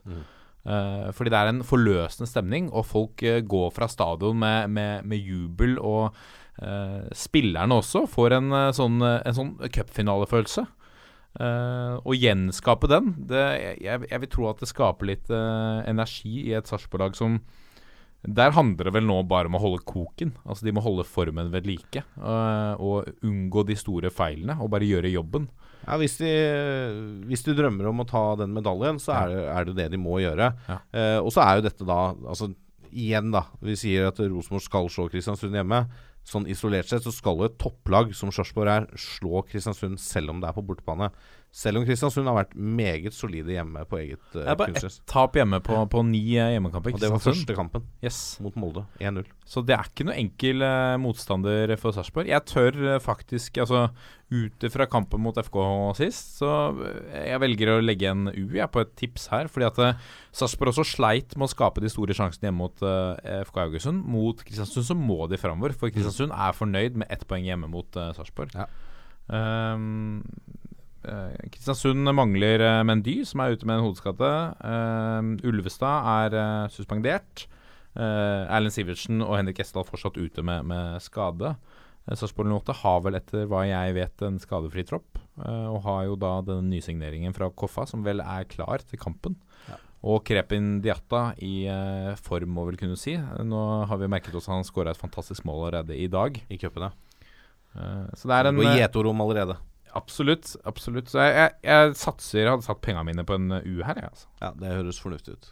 Ehm, Haugesund tar imot eh, Stabæk, eh, uh, Haugesund startet med tap for nevnte Sarpsborg. Ehm, Stabæk også tapte i første høstkamp. Ja, begge lagene tapte nå, i hvert fall sist helg. Mm. Eh, det er klart, det er litt sånn Ja, Var det første høstkamp sist helg? Eller var det andre? Ja, jeg går i surr. Det første. Ja, stemmer. Mhm. Sorry. Det er greit. Eh, og Haugesund er jo litt sånn, hvis du ser Hva skal man si om Haugesund? da? Altså Nå Medaljetoget begynner jo å gå. Det er jo ingen som forventer medalje av Haugesund. Uh, men fram til de tapte i Sarpsborg, så var de jo i hvert fall med i den kampen. Nå er det seks poeng opp. Eh, hvis det er det som skal være målet i år, så er de nødt til å vinne sånne kamper som det her. Og så er de også litt sånn Se litt De er habile, men det er liksom ikke den der svære X-faktoren heller hos Haugesund. Relativt gode hjemme, har 4-3-1 eh, på hjemmebane. Eh, alltid på en måte vært litt sånn man forbinder med et hjemmelag. Eh, Stabæk er et av de vanskeligste lagene å lese, syns jeg, denne sesongen. her, Fordi de varierer veldig i kvalitet. Nå debuterte jo bl.a. Jon eh, Hosæter fra starta, men eh, Stabæk har en veldig tynn tropp ennå. Eh, jeg tror de er gode nok fortsatt, og de er langt nok unna til at uh, nedrykk er liksom ikke noe alternativ ennå. Det er sju poeng ned til kvalik. Uh, veldig tynn tropp, som sagt. Får de et par-tre skader nå, så skal det bli interessant å se den høsten der. Uh, Ohi er ikke like gnistrende som det han var tidlig i vår. Uh, for meg så er Haugesund på hjemmebane mot Stabæk en ganske grei favoritt. Mm. Eh, men samtidig så er det to lag som er såpass variable at eh, det er en skummel kamp å skulle tippe på, f.eks. Ja, for Stabæk er jo De er jo så ustabile, som du sier, og, og uberegnelige. At de kan jo finne på nå, selv om de taper mot Sandefjord hjemme, å gå bort og vinne den kampen der. Eh, Ja. Um, det er eh, sant. Jeg, jeg, jeg tenker litt det samme som jeg tenkte da jeg så alle målene til Ohi i starten. Så var det litt sånn eh, Alle målene vi har snakket om, alle målene er skåret eh, Nå er det ikke riktignok det, det fasit nå, men alle målene er skåret fra kloss hold. Det vitner om litt sånn, for meg litt sånn flaks, at han er på det stedet han skal være når ballen dukker opp. Men, men også en litt sånn eh, Med tanke på kvaliteten og variasjonen i det Stabæk-laget, så er det ikke gitt at han får de ballene i hver kamp. Og når han har ikke vist, syns jeg, de evnene til å skape sjansene selv i så stor grad. Så det er en eh, Kanskje Jeg mener litt sånn Kanskje de skulle solgt han i sommer. Fordi kanskje han også skulle pressa på for å bli Han har jo akkurat forlenga, men Ja. pressa på for å bli solgt for å presse den eh, sitronen økonomisk òg, da. Det- Og gå til en større klubb. For jeg, jeg tror vi har vært innom det også, at det er ikke sikkert at det eh, det den, det der går til himmelen, Nei. det OI drev med der. For det, han har jo ikke tidligere vist seg som en sånn veldig naturlig målskårer i alle klubbene han har vært i, i hvert fall. Nei, absolutt ikke. Vålerenga tar imot uh, Tromsø. Og vi hopper rett til siste kampen. Ja, vi hoppa, vi hoppa til den uh, nå, for at Ja. jeg så at det var jeg som skulle prate. Jeg har ansvar for Ålesund uh, Viking. Ja, det er vi, vi hopper til deg. Vålerenga-Tromsø, da snakker vi jo nesten, jeg holdt på å si, dessverre bunnkamp. Vi gjør faktisk det, altså. Ja, det er ikke så langt unna, i hvert fall. Det skiller ni poeng da mellom lagene. men om Vålerenga taper denne, så er det jo fort med i alvoret i kampen om å unngå kvalifisering, i hvert fall. Uh, Vålerenga kommer jo fra tre Merk dere det? Tre bortekamper på rad i Eliteserien. Det må jo være en eh, slags rekord. Mm. Uh, det er jo fordi at uh, en kamp der mot Haugesund ble utsatt pga. Haugesunds uh, forsøk på å kvalifisere, kvalifisere seg til europacupspill. Uh, og dette er også Vålerengas siste kamp noensinne på Ullevål stadion som arrangør. Ja. Vi får jo håpe de får noen kamper framover på Ullevål Mm. i sånn cupfinalesammenheng. De kom jo, som vi har snakket så vidt om, eh, fra et eh, ganske tungt eh, bortetap mot Godset. Og Tromsø tapte som nevnt eh, 1-2 hjemme mot Molde, selv om de fortjente mer. Ingen av lagene med karantener. Og hvis vi ser litt statistikk først, da, så er det Vålerenga står med 4-3-1 og 12-6 hjemme. Tromsø har 2-1-6 og 7-19 borte. De møtes for 26. gang i Oslo. 14-6-5 og en målforskjellig fordel Vålerenga på 49-27 er status. Og så har Vålerenga ikke tapt mot Tromsø på de siste åtte innbyrdes oppgjørene, og har fem seire på rad. Sist Tromsø vant på Ullevål var i 2009, da endte det 2-4. Og da er jo åtte kamper er jo på en måte et stikkord videre, for det er antall kamper som har gått siden sist Tromsø vant i Eliteserien. Ja, kanskje det er på tide igjen nå? De har tre tap på rad, og Vålerenga hadde jo syv kamper uten tap før møtet med Godset. Og er jo, som jeg har sagt før, kjent for å være de hjelpeløses hjelper. Eh, Så her lukter det borte seg lang vei. Når man også da vet at lag som bytter trener, gjerne får effekten i andre kamp etter tredje bytte, så er jeg ekstremt, ekstremt bekymra før denne avskjedskampen på Ullevål stadion. Jeg beklager alle Vålerenga-sympatisører og supportere at jeg er negativ og eh, ikke, ikke offensiv på det her, men dette er Vi snakka litt om det før kampen mot uh, Godset. Vi snakka om det før den, der borte, nei, den kampen hvor de tapte hjemme mot Sandefjord, som da ikke hadde vunnet i Eliteserien på bortebane siden uh, forrige årtusen omtrent. Det er så typisk Vålerenga å tape mot sånne lag som trenger den seieren, som ikke har vunnet på aldri så lenge. Eh, en kamp de skal vinne og føre og uh, lede. Og så er det så jævlig typisk Vålerenga å gå på en, uh, gå på en mine der. Så jeg er ekstremt bekymra på Vålerengas vegne for den kampen der. Ja. UB! Ja. Sorry. Faen, jeg, blir, jeg kjenner jeg blir sur bare Ja, jeg- jeg sier det, men jeg beklager, altså. Jeg skjønner Det har, vært, det har vært så lenge, vet du. Det har vært sånn så lenge. Ja. Det er ikke noe nytt. Nei, det er som Vålerenga. du, tok, du at du Du har jo fortalt at du Du ble utfordret på dette punktet her uh, før med tanke på tidligere spillere som scorer mot Vålerenga og, og disse tingene. Ja. Uh, og så var det noen som gikk deg, gikk deg imot og sa at det der er bare fjås. Ja. Fjås, hvis det er noen som heter det. Fjas og fjås. Ja. Um, og da tok du tida. Du tok, eh, tok, tok en høst og satte, satte deg ned med, med alle resultatene, og det viste at Vålerenga er Ja, i hvert fall på den det, Dette er jo begynt å bli et år, halvannet siden. da Ja. jeg, jeg tok vedkommende på ordet. Jeg gikk gjennom de to siste eh, sesongene, og så da fra runde fem, da, for at liksom, eh, sesongen må sette seg. Eh, hvor ofte er det en spiller som aldri har scora før, eller aldri scora før i den sesongen, scorer sitt første mål mot Vålerenga? Mm. Eller hvor ofte er det en tidligere spiller scorer mot Vålerenga, eller da mot andre gamle klubber? da Og det var sånn fra Vålerenga ned til nummer to på tabellen, så var det Det var ganske mange mål forskjell på de, alle de kampene jeg gikk gjennom der. Det var sånn nesten litt skremmende å se. Kanskje det er sånn, en sånn hovedstads... Uh, hovedstadsgreie at man møter hovedstadslaget, så da er det et ekstra gir som kicker inn. Uh, er- Vålerenga er en gammel uh, storhet. Ja, men altså Vålerenga er er jo ikke det, eller hvis du ser på historikken. Er, Nei, men, det, men, altså, ja. men det er et eller annet Du hører det fra veldig mange lag, supportere, andre spillere, at det, det å få møte Vålerenga er liksom en av de store kampene i året, uansett om det er, eh, er på hjemme- eller bortebane. Der har du kanskje svar på? Ja, det, jeg tror det er det. Og så klarer ikke Vålerenga å matche den, det tenningsnivået når de møter klubber som er for dem litt sånn ja, liksom. Ja. Uh, tror jeg, da. Ja. Uh, og det, og de, der har Deila og alle som skal trene Vålerenga i fremtiden, en voldsom utfordring å få opp det treningsnivået, sånn at de kampene betyr like mye. Uh, og at mm, liksom man skal nulle ut den uh, energien. Altså, jeg har sagt det før, det var en kamp for en del år siden da Vålerenga kjempa om seriegull i 2004. Da møtte Vålerenga Sogndal hjemme på Ullevål i nest siste eller tredje siste serierunde. Sogndal kom til å rykke, altså sikre nedrykket uten seier. De spiller 0-0. Vålerenga hadde tolv åpenbare målsjanser. Kenneth Høie tror jeg var som sto i mål, sto sin livskamp.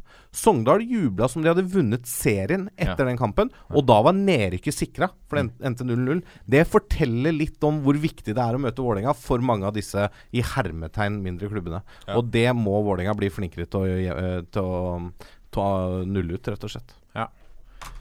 Stoltheten må kanskje opp ved å spille med, med den blå drakta. Jeg vet ikke. Eh, Ålesund tar imot uh, Viking. Viking, som vi nevnte i forrige uke, har byttet ut halve laget sitt. Eller i hvert fall signert et halvt lag. Uh, på de siste seks oppgjørene så er det ingen uavgjorte kamper. Eh, begge lag, både Viking og Ålesund, kommer fra en uavgjort. Ålesund hjemme mot eh, Brann, eh, og Viking eh, hjemme mot Lillestrøm. Eh, men at Viking skulle stå med, med uten tap på tre kamper, det så nesten utenkelig ut før, eh, før sommeren. Så det, på den måten, kanskje for Stavanger-laget, så begynner det å se et slags lys i tunnelen. Det er, eh, det er litt uh, Det er litt cupfinale hver kamp nå. Det er fire poeng opp til kvalikplass for, for Viking. Um, uh, altså de viser, jeg syns de viser karakterer. De ligger under 0-2 til pause mot Lillestrøm. Mot et, må vi kunne si, et Lillestrøm som er i form, mm. som Arne Erlandsen virkelig har fått, fått syn på. Ja, absolutt. Og, og putte to mål på et Lillestrøm-lag som leder. Vi vet hvor tøffe de er i forsvar. Det er uh, imponerende. Tommy Høiland fikk sitt første mål siden uh, comebacket i, uh, i Viking. Var hans første kamp. I hans første kamp, ja. I, i comebacket. Um, Ålesund på sin side kommer heldig fra, fra kampen mot Brann. Brann som ikke er i kjempegod form, de heller. Men det var en ujevn prestasjon. Og så har vi, som vi har vært inne på, det er to kjempebillige om Altså om jeg skal strekke til feilaktige straffespark de får. Gratis straffer. Du ser Altså eh, eh, det er morsomt å se, for På TV-bildet så skjønte jeg med en gang ikke hva, eh, hva folk snakker om når Moss går ned i feltet. For det ser ut som han blir dratt ned. Men jeg ser jo i reprisen der, eh, og Trygve Kjensli står godt plassert, at Moss rygger jo, passer jo på å rygge inn i feltet, slik mm. at det er der eventuelle forseelser ser. Er, det er der han går ned. Ja. Han, blir, han, han, blir, jo tatt litt på utafor ja, 16 her. Ja, og så lener han seg inn, og så detter han. Men det er ikke noen sånn klar, åpenbar holdning. Uh, så han, han, skaper situasjonen. Det er selvfølgelig rutinert av Moss. Mm. Men det, det, som vi kan si om Viking Vi hadde jo nesten avskrevet dem her for en stund tilbake og sagt at nå er det ferdig, det er ikke sjans. Men nå er det jo faktisk litt med. Ja. De har muligheten til å komme seg ut av gjørma, og det er imponerende med de ressursene de nå har i Stavanger, og, mm. og med alle de utskiftningene de har hatt, og hvordan det har sett ut der. For det har jo nesten virka som et planlagt nedrykk. Mm. De kan klare seg. Ja, det kan de absolutt. Jeg la merke til Andreas Lie, som eh, var uh, eh, eh, Skuffa meg litt på den 0-2-skåringen til Brann. Litt sånn Jørn Jamfall, god gammeldags Jørn Jamfall-redning. Hvor han redder ballen, men legger den rett ut i feltet, sånn at de kan putte på 2-0. Litt sånn uh, Det er ikke bra nok på Eliteserien. Altså, dessverre, altså Ålesund Totalt sett så er ikke Andreas Lie en god nok keeper for et lag som kanskje har ambisjoner om å ligge på øvre halvdel, tror jeg, da. Jeg, jeg syns ikke han er Han har, hadde noen gode kamper i vår, for all del, men totalt sett det Andreas Lie har vist i løpet av karrieren sin, han, han er ikke en toppkeeper i Eliteserien, i hvert fall. Der kan vi jo skyte inn at nå ser det ut som Jan Lennart Urke fra nabo Hødd skal tydeligvis til Ålesund og være keeper. Der. Det betyr at ja, keeper, eh, at Pål Heigre sannsynligvis er på vei bort. Ja. Han har jo nå altså, vært i Viking, han har vært i eh, Tromsø. Tromsø, Lillestrøm. Han var vel en tur innom Start og spilte et par kamper. Uh, Snakka litt om Strømsgodset potensielt, som jo trenger ny keeper til å kjempe med Espen Bugge Pettersen. Det, han kan begynne å få en god rundreise i norsk fotball på ganske kort tid, Heigrena. Mm. Kai Ramstein, elsker uh, etternavnet på den mannen, er uh, suspendert uh, som uh, en mann ved navn Kai Ramstein bør være i løpet av et par kamper i sesongen. Kan vi være enig i. Viking er skadefrie og uten suspensjoner, etter, etter, hvert som jeg Eller ut fra det jeg kan se. Um, Brann tar imot Odd Kjernås. Brann kommer fra 3-3. Odd med denne forløsende seieren mot Sogndal. Nå er Odd oppe på en eh, Er det en sjetteplass? Stemmer det. Ja. ja. nei, det er jo Altså, Brann er jo inne i en uh, motbakke nå. Uh, åtte siste kamper så har de spilt uavgjort i fem av dem. Tapt to og vunnet kun én. Uh, Mista jo to poeng da helt mot slutten uh, mot Ålesund med to sene skåringer. Tapte ett poeng på siste spark på ballen mot Sarpsborg i, siste kamp før ferien. Gikk fra å lede 1-0 i første møte med Ruzomberok til å tape 2-0 hjemme. Eh, Brann spilte feiende flott angrepsfotball i starten. Nå er det liksom Alt av marginer er borte, da. Eh, stoppa litt opp, eh, ligner litt mer på eh, et lag som er litt mer stakkato i angrepsspillet sitt. Litt enklere å stoppe og lese. Eh, så de er ganske godt ut av form nå. De trenger å finne tilbake til seg selv. Nå har de ramla fra å være et lag som skulle utfordre Rosenborg og lå nesten likt med dem, til å være ti poeng bak og til å være ute av medaljeplass. Eh, og så kommer jo da Odd, som du sier, de har jo fortsatt skåra færrest mål av alle, selv om de skårte to mot eh, Sogndal sist. Eh, da debuterte jo John Kitolano fra start som venstreback. Hadde assist og skaffa straffe. eh, en mann for framtida, en spennende venstreback. Så det blir interessant å se. Eh, de rokerte jo litt på laget til den kampen. Eh, snudd litt og brukt noen andre nå mot Sarpsborg. Eh, hva de kom med der. Eh, vinner Odd her, så er jo de plutselig oppe i medaljekampen, selv om de har hatt en egentlig ganske begredelig sesong. Og så er det jo et annet aspekt med den kampen her, og det er jo at Odd er jo egentlig et hatlag i Bergen. Eh, og det er jo pga. denne episoden hvor eh, Håkon Oppdal lå skada, og så skårte Peter Kovacs, og så Sitter det igjen ennå der oppe? og så viste oh, ja. Dag Elle Fagermo seg fra sin minst sympatiske side på sidelinja der. Og det, jeg ser jo I dag så har Dag Elle Fagermo snakka med Dagbladet og sier jo da at eh, det er noe eget med å komme til Brann, fordi uh, i Bergen er det ennå sånn at hvis du er ute og løper på kampdagen, så kommer eldre damer bort og sier 'fuck off' eller 'rasshøl'. Eh, og det eh, Han er vel ikke et menneske som er veldig populært i Bergen. Man husker denne episoden der. og han er ikke skuddredd, Fagermo. Han, Nei, det eh, han liker Han syns det er gøy med oppmerksomhet. Ja, da også er det jo litt sånn Man er jo ikke langsiden. Altså, har du først funnet deg en fyr som har vært usympatisk, da han er tilfeldigvis trener ennå i samme klubben, Mm. så så klart du buer litt ekstra på ham på stadion da. Det, Ja, så gir det kampen et ekstra element. Ja da, det, gjør det gjør jo det, og det blir jo snakka om hver gang disse lagene skal møtes, så det er jo litt sånn Og det hadde vært så gøy om Fagermo ble trener i Brann en gang. Oh, oh, oh. Ja, det kan skje. Hva med det, Eh, kan skje. um, vi, eh, et annet eh, interessant oppgjør som eh, Som vel er interessant fordi pga. en mann vi snakket om tidligere, Marco Takbajumi. Som har skåra for Lillestrøm i cupen i dag. Og han har det. Ja da. Kommet inn som innbytter og skåra sitt første mål. Lillestrøm leder 1-0 etter 78 minutter. Live kommentering på podkast, det er deilig. Ja, det er veldig, Ja veldig bra. Lillestrøm reiser til Marienlyst. Um. Eh, Det er vel å, rimelig å anta kanskje at Tagbajumi Ja, kanskje han starter for Lillestrøm. Uh, vi får håpe han får tillit, i hvert fall, mot uh, gammelklubben. Hadde vært mot Vålerenga, så hadde han skåret. Ja, ja. Hvis han hadde vært tidligere Vålerenga-spiller. ja, ja, ja, ja, åpenbart. åpenbart. Um, Godset litt uh, oppe og flyr etter, eh, etter denne seieren hjemme mot uh, Vålerenga, kanskje. Nå er det Det må jo passe perfekt for de med en ny hjemmekamp. Ja, det, det gjør på mange måter det. Men samtidig så er det det Nå skal de gjenskape. Mm. Det er jo kanskje det vanskeligste i fotball. Det er å gjenskape en god prestasjon. Mm. Eh, de, Mot landets dypeste f forsvar, ja, ja, mot landets dypeste lag. Mm. Eh, de, altså, de kommer ikke til å få det bakrommet mot Lillestrøm som de fikk mot Vålerenga-forsvaret. I det hele tatt. Eh, så her, det, her må det kjempes for uh, enhver ball og enhver uh, situasjon. Eh, og så er det det klarer de å mønstre opp den samme intensiteten blant supportere i uh, administrasjonen, blant spillerne, blant, blant treneren for å slå Lillestrøm, som de klarte mot Vålerenga. Klarer de å gjenskape det, så slår de Lillestrøm. Men dette blir en tøff kamp for Strømsgodset. Og da liksom vinne to kamper på rad nå for et lag som har slitt så mye som de har gjort, det vil jo være en åpenbaring og veldig viktig for å få dem litt ut av, av bunnstriden. Eh, men jeg er spent på om du klarer det, eller om det ble en liten utladning på mandag da, mot uh, Vålerenga. Det vet man jo ikke før eh, kampen begynner, men det, det kan være et, far, en, uh, et faremoment for, uh, for godset. Lillestrøm som uh, kommer fra eh, 2-2-kampen mot uh, Viking, hvor de ga fra seg denne ledelsen. Veldig Vi var inne på det, så er litt overraskende av Arne Erlandsens uh, menn. Jeg tror ikke Erlandsen var en veldig fornøyd mann i garderoben etterpå. Uh, Aldri tenkt meg. Nei. det blir en uh, viktig og spennende match. Uh, gode oppgjør i vente til helga. Så blir det uh, gøy å se hva dagens cuprunde har å si for neste eliteserierunde.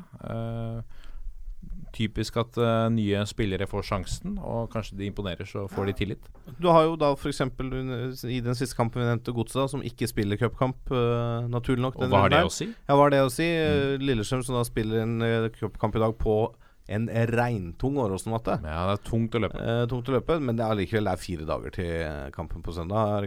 Så det, det, de bør jo kunne restituere seg, men det kan spille litt inn på den totale energien som de har eh, i løpet av 90 minutter der. Mine herrer, dette har vært uh, en glede. Uh, drøyt 1 time og 20 minutter uh, Nei, unnskyld. 2 timer og 20 minutter er unnagjort. Ja, det er faktisk det. det, er, det er ikke rekord, men det er nest, nest best. Nest best. Til alle dere som er glad i en god, lang podkast, vær så god. Til alle Takk dere for at dere hører på fortsatt. Ja. Takk for at dere hang med hele veien. Ja. Det skal dere ha. Eh, takk for gode bidrag på Twitter, Facebook, eh, Instagram. Eh, også på mail. Toppfotball.451.no. Fortsett å, å fyre løs med, med forslag og innspill. Eh, og eh, eh, innspill til eh, årets Trøen vil vi gjerne ha. Og hvis du kommer over noen artige eh, navn med høy stjernefaktor i norsk fotball, send de inn til oss på mail. Vi, vi vil Gjerne ha mange det. fornavn. Gjerne mange fornavn. Eh, og, og glamorøse etternavn. Oh, ja. Ja, absolutt.